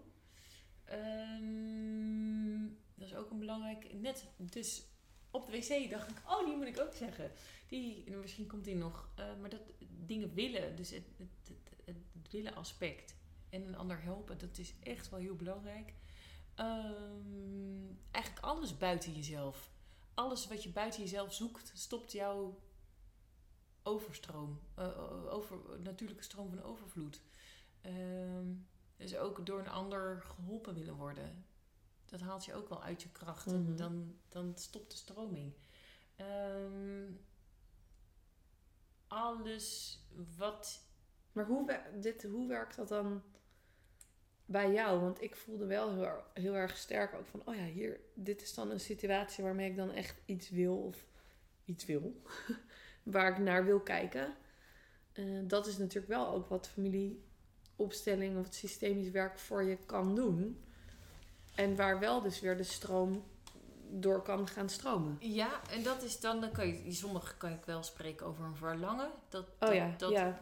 Mhm. tuned vaak in. Daarmee Ja, krijg ik vaak wel, wel eh, eh, een mooie antwoord. Dus wat is je verlangen Mhm. dan? Wat zou je dan. Dan heb ik het over wezenlijk weer willen. Ja. Ehm, en het zat zijn. Ja. Iets zat zijn. Dus dan wil je niet iets meer. Je bent juist iets zat. Dus je wilt Ja, juist iets minder. mooi. Ja. Ehm, en dat is waar mensen ook vaak naar mij toe komen. Dus dat je Ja. echt met eh, dat, het woord frisse tegenzin gebruik ik vaak. Oh ja, ja, ja. Eh, dat je met frisse tegenzin, eh, daar zit ook een knipoog in, Iets gaat aankijken. iets gaat aankijken. Omdat je het gewoon zat bent. Ja, Je bent er klaar mee ja, met dat. Dus dan, dat is dus de beweging naar minder. ja. Eh, dat vind ik ook altijd een, fijn om vanuit daar met iemand Mhm. te werken. Ehm, of dus, wat is, wat is je verlangen? Wat zou je dan willen dat was? Mhm. Wat niet zo is. Met andere woorden, wat hou jij dan zelf tegen? ja. Dat is, dus dan doe je, eigenlijk is dat dezelfde vraag. Ja. Dan doe je iets, hou je iets in stand wat niet voor jou werkt. Ja. Dus dat gaat tegen jouw eigen behoefte of verlangen in. Dus dat gaat Mhm. ook weer over minder doen.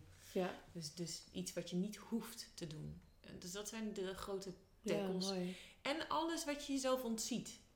Alles wat je jezelf ontziet, dat vormt natuurlijk direct een blokkade van de natuurlijke Ontziet of stroom. ontzegt of Ja, ja, ja. ja, ja, ja, ontzegt. Dus ik mag dat niet.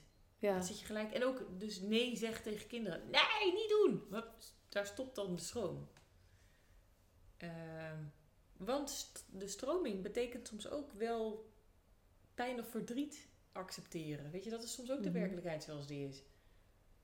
Ja. Eh, want daar zit ook weer een ervaring in. Het, het leven mogen ervaren zoals Ja. het komt. En wanneer ik nee zeg tegen mijn kinderen, dan stop ik de ervaring van mijn kind. Mhm. En dat is natuurlijk heel, daar kunnen we heel lang over gaan praten. Dat doen we eigenlijk niet nu. Dus ik kies er even bewust voor om dat niet te doen. Ehm, want dat is natuurlijk, daar zit ook een heel groot grijs gebied in. En dan, Ja. ehm, dat gaat ook weer over eh, het verstand. Ja. Vaak de angst, ergens bang voor zijn, bang voor dat hij uit de klimrek valt.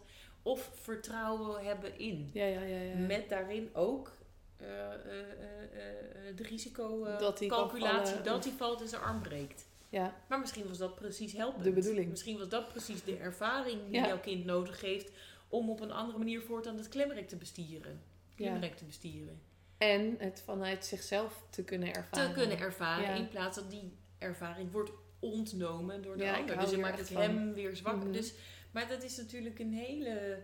Daar wil ik er niet al te lang op doorgaan. Want ik hoop dat iedereen begrijpt dat dat dat ik dat nu heel makkelijk zeg. is, Ja, ja. dat ik dat nu heel makkelijk zeg. Maar dat het in de praktijk gewoon oefening vraagt. Ja, dat en ook wat je eerder al zei, de ruimte dus jezelf gunnen. Ja, ehm, vertragen om dit ook te kunnen Ja. observeren. Want Ja. als jij eh, even gehaast met je kind naar de speeltuin gaat, een kwartier en je moet daarna weer weg, ja, dan heb je hier ook niet geen ruimte voor. de tijd en ruimte Nee. voor om dat Nee. rustig te doen. En dus vooral niet te kijken naar wat jouw kind doet. Want jouw kind is een ander. Ja, Maar wat hetgene wat jouw kind doet met jouzelf doet. Ja, Want dat is ja. waar die over gaat. ja, Wat maakt jou dan angstig voor dat je kind boven in het klimrek hangt? Ja, ja, ja, mooi. En wat ja, geeft jou vertrouwen? ja. Want het gaat alleen maar over, over jou. Ja, ja, ik zeg, ik ben me er ineens bewust van dat ik voel dus eigenlijk altijd bij hem, zeg ik even nu, want Bel die kan nog niet klimmen op Mhm. een klimrek. Maar al dat, dat vertrouwen. Dus ik zit Ja. meer te kijken wat hij doet. Ja. Van dan weet ik, oh hij kan dit. Ja. Kijk maar, daar gaat hij, zeg maar zo. Dus ik zit wel te kijken naar wat hij doet, maar vanuit vertrouwen, in mezelf. En dan ja. kan je dus een ander ook laten. ja, ja, dus dan heel hoef erg. je niet te helpen. Nee. En dat blokkeert. Mooi. ehm, ik zelf zeg eerlijk, ik heb, ik, ben, ik heb een lange tijd, of lange tijd, een periode in mijn leven heb ik ook een angststoornis gehad. Ik weet, eh, mijn hoofd zat op angst. Ja. Als je denkt, oh, ik zit erop, nou, ik zat daarop. Ehm, dus ik heb daarin, met, met heel veel dingen, heel, gewoon moeten oefenen. Gewoon Ja. in de waarneming. Hé, hey, wacht, nu merk ik dat ik angstig word. Hoe komt dat dan? Wat doet het met mij? Oh, het is alweer weg. Ja. Dus gewoon oefenen. En soms ook waarnemen dat ik wel een keer nee schreeuw tegen mijn kind. Ja. Oh, nu schreeuwde ik nee. Punt. En weer door. ja, Ja. Zo, ja, gewoon trial, trial and error. Gun jezelf ook de tijd om dingen te oefenen. ja, Ja, weet je, als je nieuw vaart piano spelen kan je ook niet in één dag. Ja, het is Mhm. echt heel simpel. Het is dus Ja. heel simpel. Ja. Gun je het jezelf. Of perfectionisme, overlevingsstand, moet je het gelijk in één keer kunnen. goed doen. Ja, dat werkt het niet. doen. Geef jezelf tijd. Overvloed is voor mij ook heel erg dat er altijd is. Ja, man. Ja. Dus je hoeft niet alles nu, vandaag. Nee, want ik weet, er is ook nog een volgend jaar. Er is ook nog een rest van mijn leven. Ja. Dan kan ik vertrouwen dat ik dan ook nog dingen kan herstellen in de band van mijn kinderen. Of niet. En dan Ja, is dat precies zoals echt- het gaat. Voor mij ook echt overvloed. Waar, daarom heb ik ook in de intro van de podcast gezegd: van het gaat al lang niet meer over money mindset. Al lang niet meer, maar gewoon daar gaat het niet over. Ehm, van financiële overvloed. Echt niet. Want ja, weet je, ik heb ook hele succesvolle maanden in mijn business gehad. Maar uiteindelijk de ruimte en de tijd die je jezelf gunt, dat is voor mij echt Overvloed. overvloed. Ja. Ja. Van angst naar vertrouwen. Ja. Of wat eh, Claudia zo mooi benoemt. eh, gevoelsmiljonair. Ja. ja, die voel ik ook helemaal. En die voel ik helemaal. Die komt ook nog in de podcast. Ja, ja, ik had Ja. daar vanochtend toevallig op Ja. gezegd, jij moet er even heen. Dus Ja. bij deze Claudia, dat komt er gewoon lekker in. Ja, zij komt erin, en zeker. eh, het gevoelsmiljonairschap. ja, En dat is waar voor mij overvloed natuurlijk ook over gaat. En dan, ja, wat kom je dus tegen wat jou weerhoudt van het Mhm. gevoelsmiljonairschap? Nou, wat ik net zei. Ja. Eh, niet op jouw plek staan in, in het familiesysteem. Tegen de aardse wetten in willen eh, vechten, bewegen. Ja. Überhaupt strijden. Ja. Dingen anders willen. En jezelf dus eh, van jezelf dingen ontzien, ontzeggen. Mhm. Dus dat je zegt, ik mag geen suiker eten. Ik mag geen patat. Alles wanneer ik zeg dat het mag niet, dan blokkeer ik iets. Ja. En terwijl ik soms zeg, nou ja, af en toe een klein beetje suiker in mijn koffie. En ik word er blij van.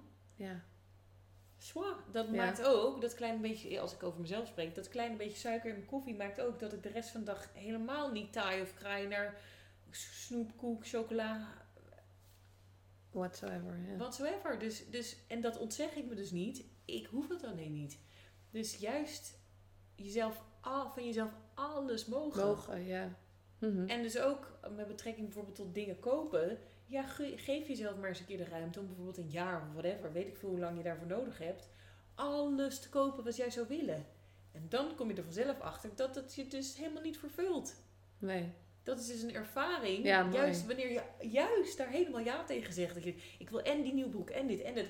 Want ik heb het nodig. Nou, geef het jezelf maar. Ja. En dan merk je, nu heb ik het. En ik ben nog Ja. op precies dezelfde gelukslevel. Ja. Maar geef, gun jezelf maar eens die, Die ervaring. ervaring. Ja. Want Daar zit de overvloed. Mooi. Niet om te zeggen, nee, maar ik heb het niet nodig. Nee hoor, want iedereen op social media zegt dat ik het niet nodig heb.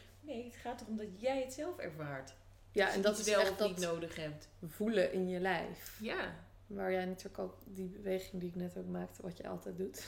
Ja, ja, ja, ja, maar ja, Ja. die zakken in Die- je... Ja, daar. En wat ik natuurlijk, wat jij ook al benoemde, die post van mij van enthousiasme naar joy. Van de, ja. vanuit je hoofd, het enthousiasme, het willen, naar het zelf kunnen ervaren. En hoe anders dat dan voelt. ja, Dat je het niet niks nodig hebt. En dan komen we toch weer uit bij die onthechting eigenlijk. Van, ja, alles. Ja. Echt onthechten van alles. ja, En uiteindelijk, en daar ben ik nu zelf een beweging naar het maken, maar dat is.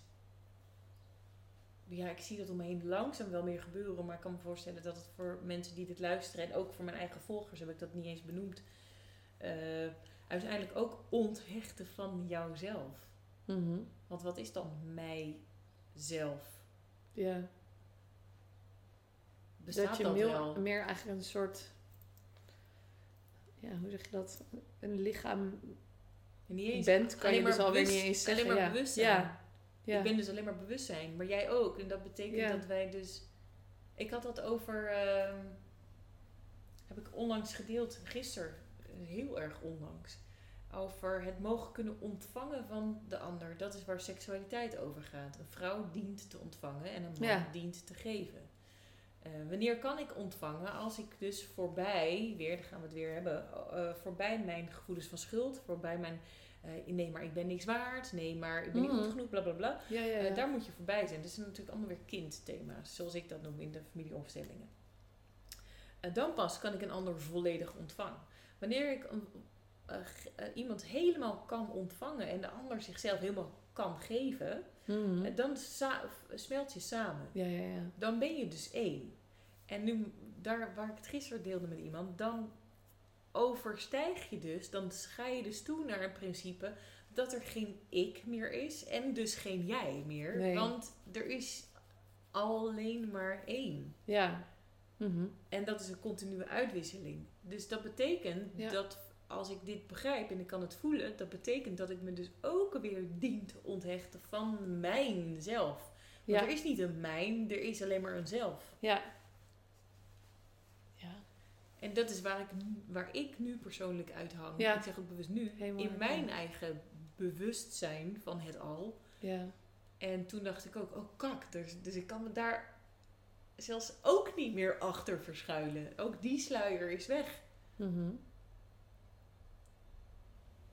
Ja. Ik ben dus niet Suzanne.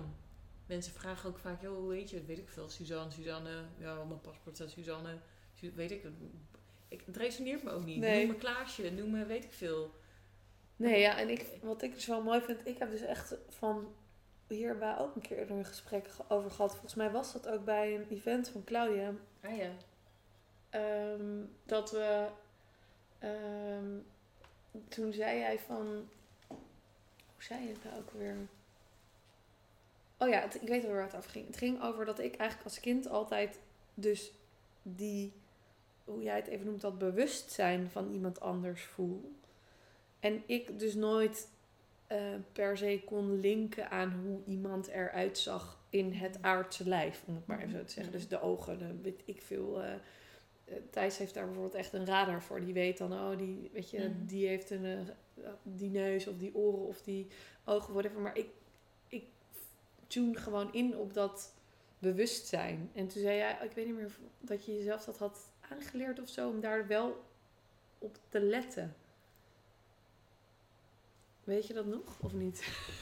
Hoe iemand eruit ziet daarop te letten? Ja, dat je wel ehm, eh, kon herinneren wie iemand dan is in dit fysiek, zeg maar. Ja, ja, ja. Daar dat ging het komt Denk over. ik, ja, ik weet het niet helemaal meer hoor. Ik merk dus dat ik me dus... Dat ik dus, laat ik het zo even zeggen, diep in mijn proces van onthechting zit. En dat Ja. ik dus ook bijna niks meer onthoud. Nee. Eh, dus ik heb zaterdag een opstellingendag gehad. En ik weet nu al amper niet meer de namen en wat er nou eigenlijk gebeurd is. nee. Omdat het alleen maar door me heen beweegt. En ik laat Ja. het ook weer los. Dus, dus het is niet een Ja. niet belangrijk vinden van dat. Nou ja, soms ook.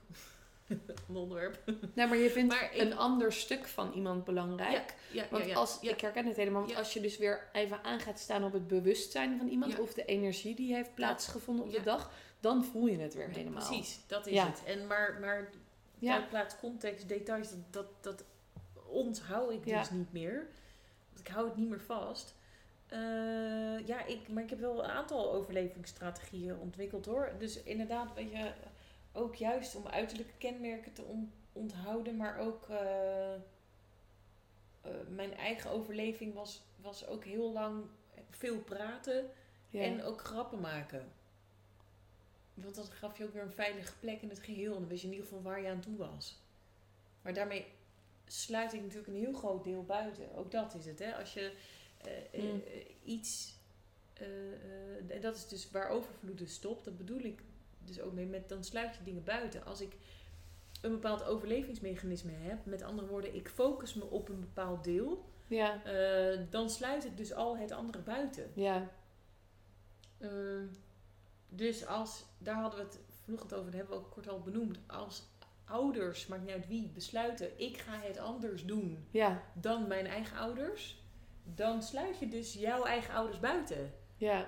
En dan stopt dus de natuurlijke stroom. Mhm. Je- Want dat kan niet. En als mensen dit herkennen, wat kunnen ze dan doen? Naar familie. Ik zou het zeker doen. Naar nee, familie nee, ik zeg het met een hele grote lach. Eh, eh, ja, nou, Ja, dat is toch een grap maken? Nou ja, nou, zeg het met een grote lach. Nee, en daarmee mag. bedoel ik... Natuurlijk kan ik zeggen... Ja, je moet vooral opstellingen doen. Maar ik geloof het niet eens. Nee. Ik geloof dan mijn eigen woorden niet. Wat ik daarmee bedoel is... Ja, Ja, ik ben er. Net zoals dat, er, dat ik nog veel meer collega's heb in het vak. eh, waar ik blij mee ben. Die ook gewoon goed en, en degelijk zijn. Maar ik wil je vooral uitnodigen... Volg jouw eigen gevoel. Mhm. En als dat in mijn richting wijst, ja, voel je vooral welkom. Ja, mooi. Maar, maar ja, dan ga ik hem toch zeggen, eigenlijk interesseert me dat niet eens. Nee. Ehm, volg jouw eigen gevoel. En is dat, dat je als je, zeker als je het gevoel hebt dat er bepaalde dingen jou heel lang belast, dan raad ik, of absoluut een opstelling aan. Omdat ik weet, dat kan dus die oorsprong van die belastende dynamieken zichtbaar maken. Waardoor je die angel eruit kan trekken Ja, en er ja, stroming ja. ontstaat. Maar het kan voor jou ook zijn, dus gaan stoppen met anticonceptie en jouw eigen innerlijke cyclus. Weet je, dat is gratis mensen. Dat zeg ik ook iedere keer. Het is gratis. Het kan voor jou ook zijn dat je gewoon echt eh, met veel kleinere passen en heel langzaam gaat lopen. Eh, gewoon eens om je heen gaat kijken, is ook gratis. Dat kan soms ook dingen echt doen. En, en ik wil vooral adviseren, als je een interventie doet in je eigen leven, dus een verandering bewust inzet, kies dan voor één ding tegelijk. En doe dat gewoon eens een keer geruime tijd. Zodat Ja. je ook echt kan voelen, hey, heeft dit effect? Mhm. Zo ja, wat voor dan? Of mogelijk niet en ga ik iets anders proberen. Ja. Dus doe vooral niet iets tegelijk, want dan weet je überhaupt niet wat het is. Nee. En, eh, en ga trap niet in de verleiding van de quick fix, want die bestaat niet. Dan ga je bypassen, dan ga je dingen uitsluiten. Of Ja, jezelf mooi ont- ontkrachten. bedoelt. Want ik herken het. Ik had toevallig gisteren een, eh, een ehm, call met een potentiële klant, of in ieder geval zij had aangegeven na mijn masterclass van oh leuk, ik wil met jou eh, samenwerken, maar ik twijfel nog ergens. En toen zei ik ook, oké, laten we gewoon even bellen. En toen hoorde ik ook ehm, haar behoefte in het gesprek. Van zij ehm, heeft nu eerst een, een, een retret ingepland voor zichzelf. En ik zei, ja, maar we gaan nu helemaal niks doen. Je gaat dat doen en dat is al je grootste gift. En if it's de bedoeling, dan ben ik er daarna ook nog. Ik Ja. zei, ik ben er nu ook, maar ik ben er dan ook nog. Ja. Het is Stap voor stap. oké. Ja. Maar toen voelde ik ook van, oh, dit is ook weer voor mij zo'n overvloed, om vanuit vertrouwen eigenlijk nee te zeggen. Ja, Ja. of, ja nee te zeggen, maar Ja, eh, ja. een klant dus haar eigen proces te gunnen. Ehm, wetende dat als het echt de bedoeling is, dat ze wel komt.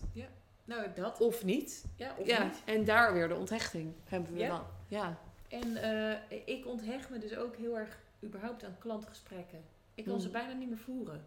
Mhm. Ik krijg nog wel eens, ik, heb, werk samen met, eh, met, eh, met Karin, of laat ik het zo zeggen, ik, eh, ja, ik heb Karin toegevoegd aan mijn team. Weet ik veel hoe je het wil noemen. En Karin vindt het heel leuk en zij doet eigenlijk hetzelfde. Want zij is zich eigenlijk al onthecht van überhaupt suzannebrosé.nl, whatever it may be.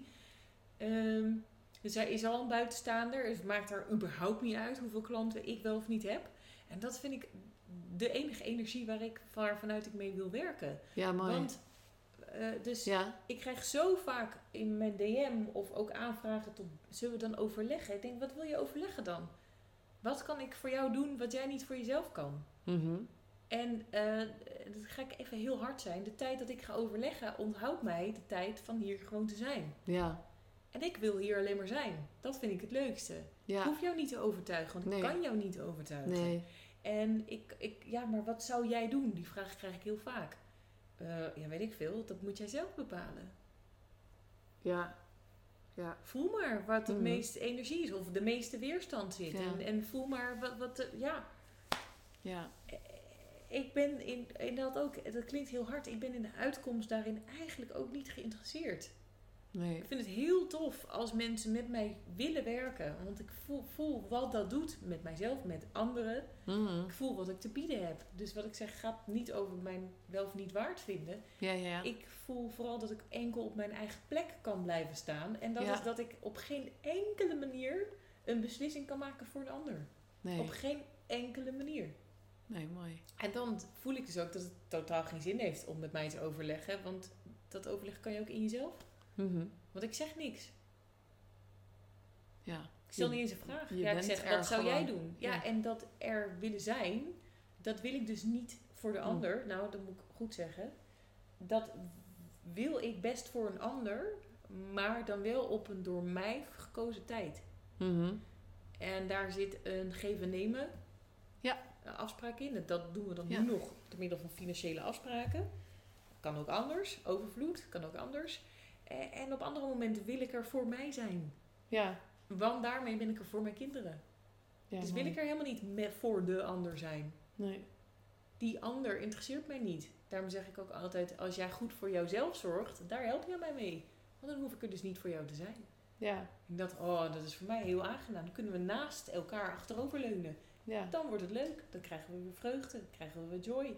Dan Mhm. krijgen we, oh nee, kijk naar die vogel. Oh, oh die kat die gaat maar lekker uitrekken. Denk je, oh. Heerlijk, I love it. Ja.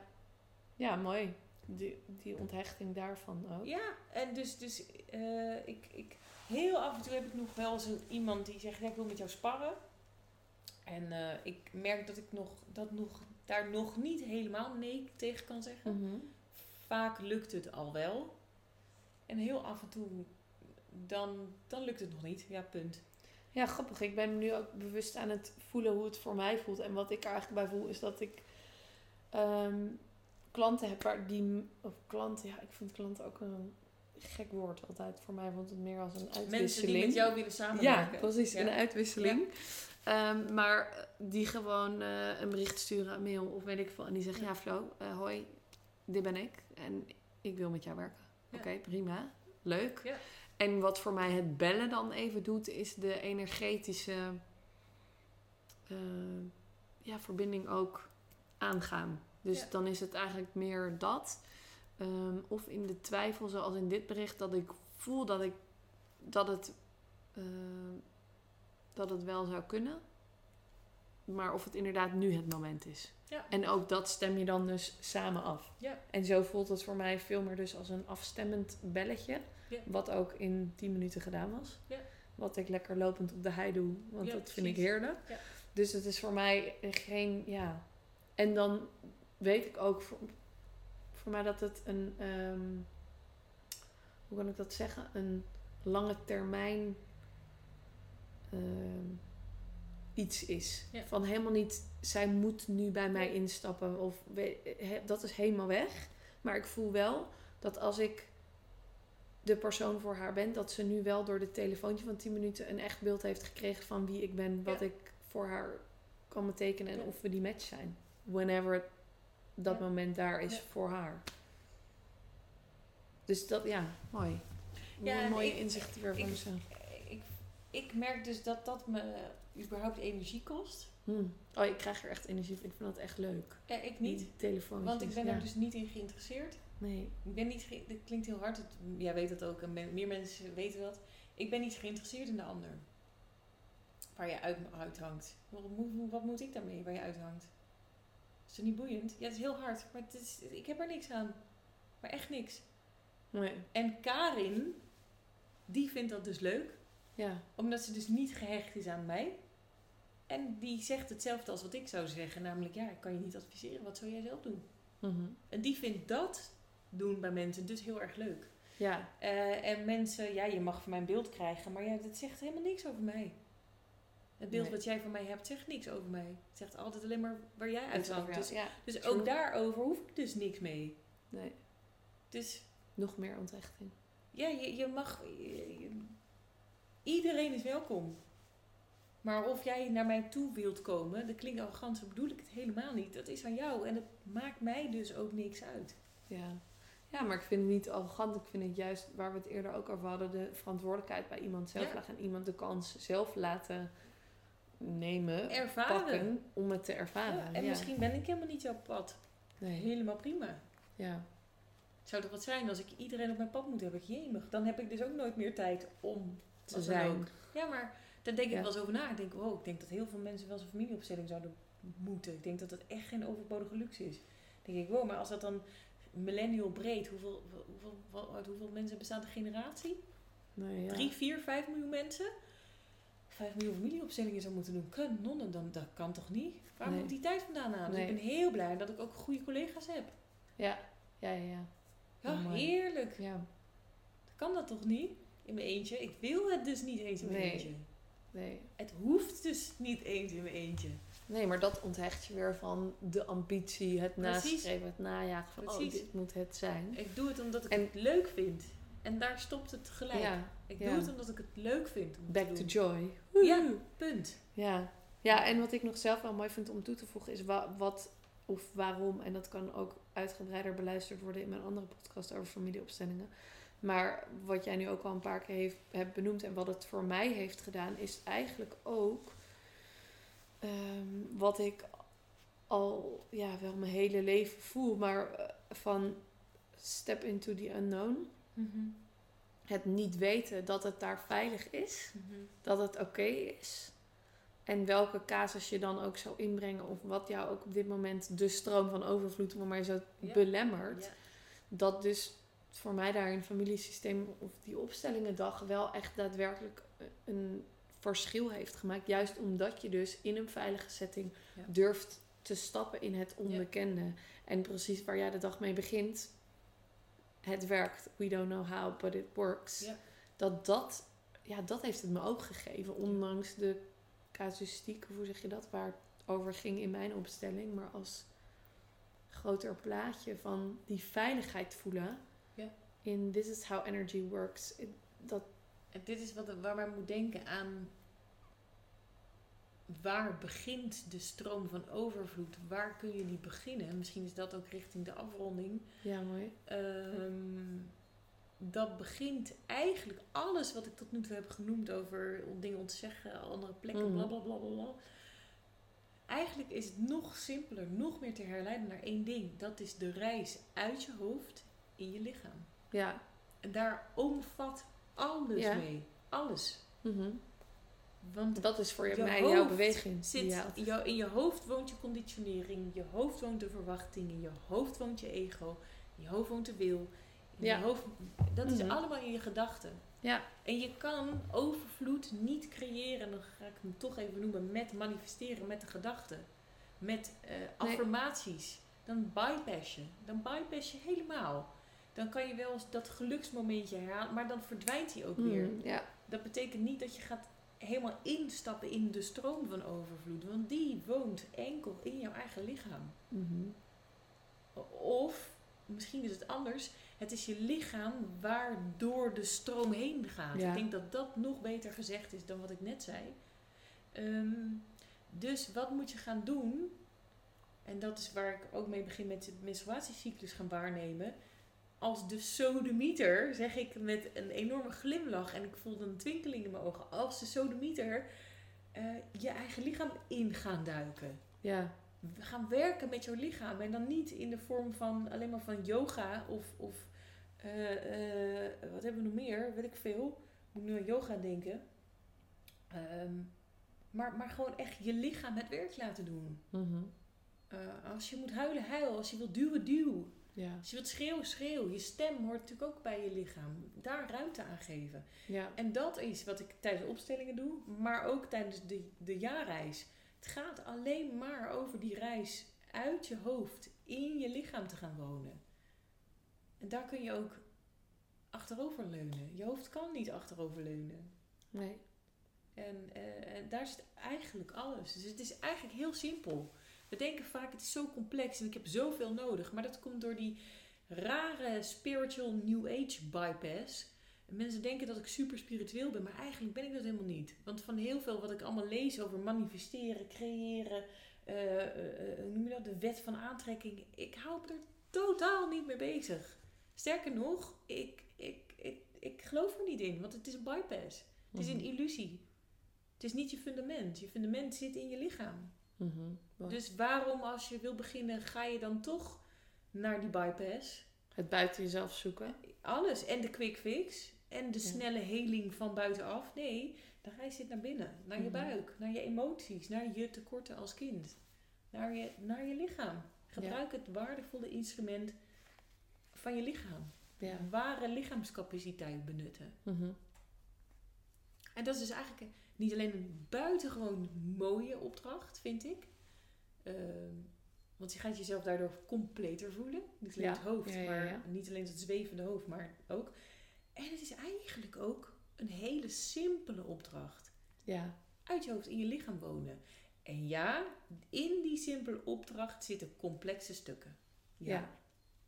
Maar, daar hadden we het net ook over, als je die aankijkt en ziet, kan het ook heel snel weer, Stromen. zonder dat het snel veel, moet. Veel maar, sneller dan ja. je vaak denkt. Ja. Of wat vanuit die cognitieve therapieën of vanuit, oh, ik ga hem toch noemen, ik wil, wil het eigenlijk niet. De human design. Echt, flikker op met je human design. Het is alleen maar hoofd. Alleen maar hoofd. Hoezo moet je begrijpen hoe je werkt? Je moet ervaren hoe je werkt. Je hoeft niks te begrijpen. Als ik het ervaar, mezelf ken, mezelf weet, mezelf doorleef, dan weet ik al. Mhm. Hoef ik niet dingen te doen omdat dat in mijn human design of in mijn sterrenbeeld is natuurlijk net hetzelfde. Ja. Eh, want ik ben. En Mhm. ik ben ook al. Dus ik ben niet één ding, ik ben al. Mhm. Dus, dus ja, tuurlijk, het kan je inzicht geven. Maar dan zeg ik, als je daar op zoek naar bent, als je wilt weten wie je bent, doe Ja. dat dan niet door middel van inzicht krijgen.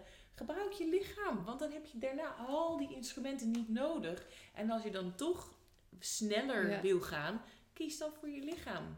Want daar komt iedereen ook, iedereen die gehuman designed heeft, ook weer op uit. Want dan heb je het nog steeds niet gevonden. Want Nee. het moet ervaren worden. Hoe kan dat? Door je eigen lichaam. Voelen, voelen.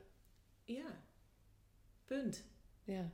Dus dat is, ik ben... Dus als je dat wel kort. gebruikt, dan mag het een tool zijn om Absoluut. inzicht te krijgen, maar het dan te gaan je moet het gaan doorleven. Ja. Net als al die podcast. Ja. Iemand vraagt, ik krijg vaak de podcast, waarom neem je geen podcast? Ik vind dat er te veel podcasts zijn. Mhm. Dan heb je een podcast.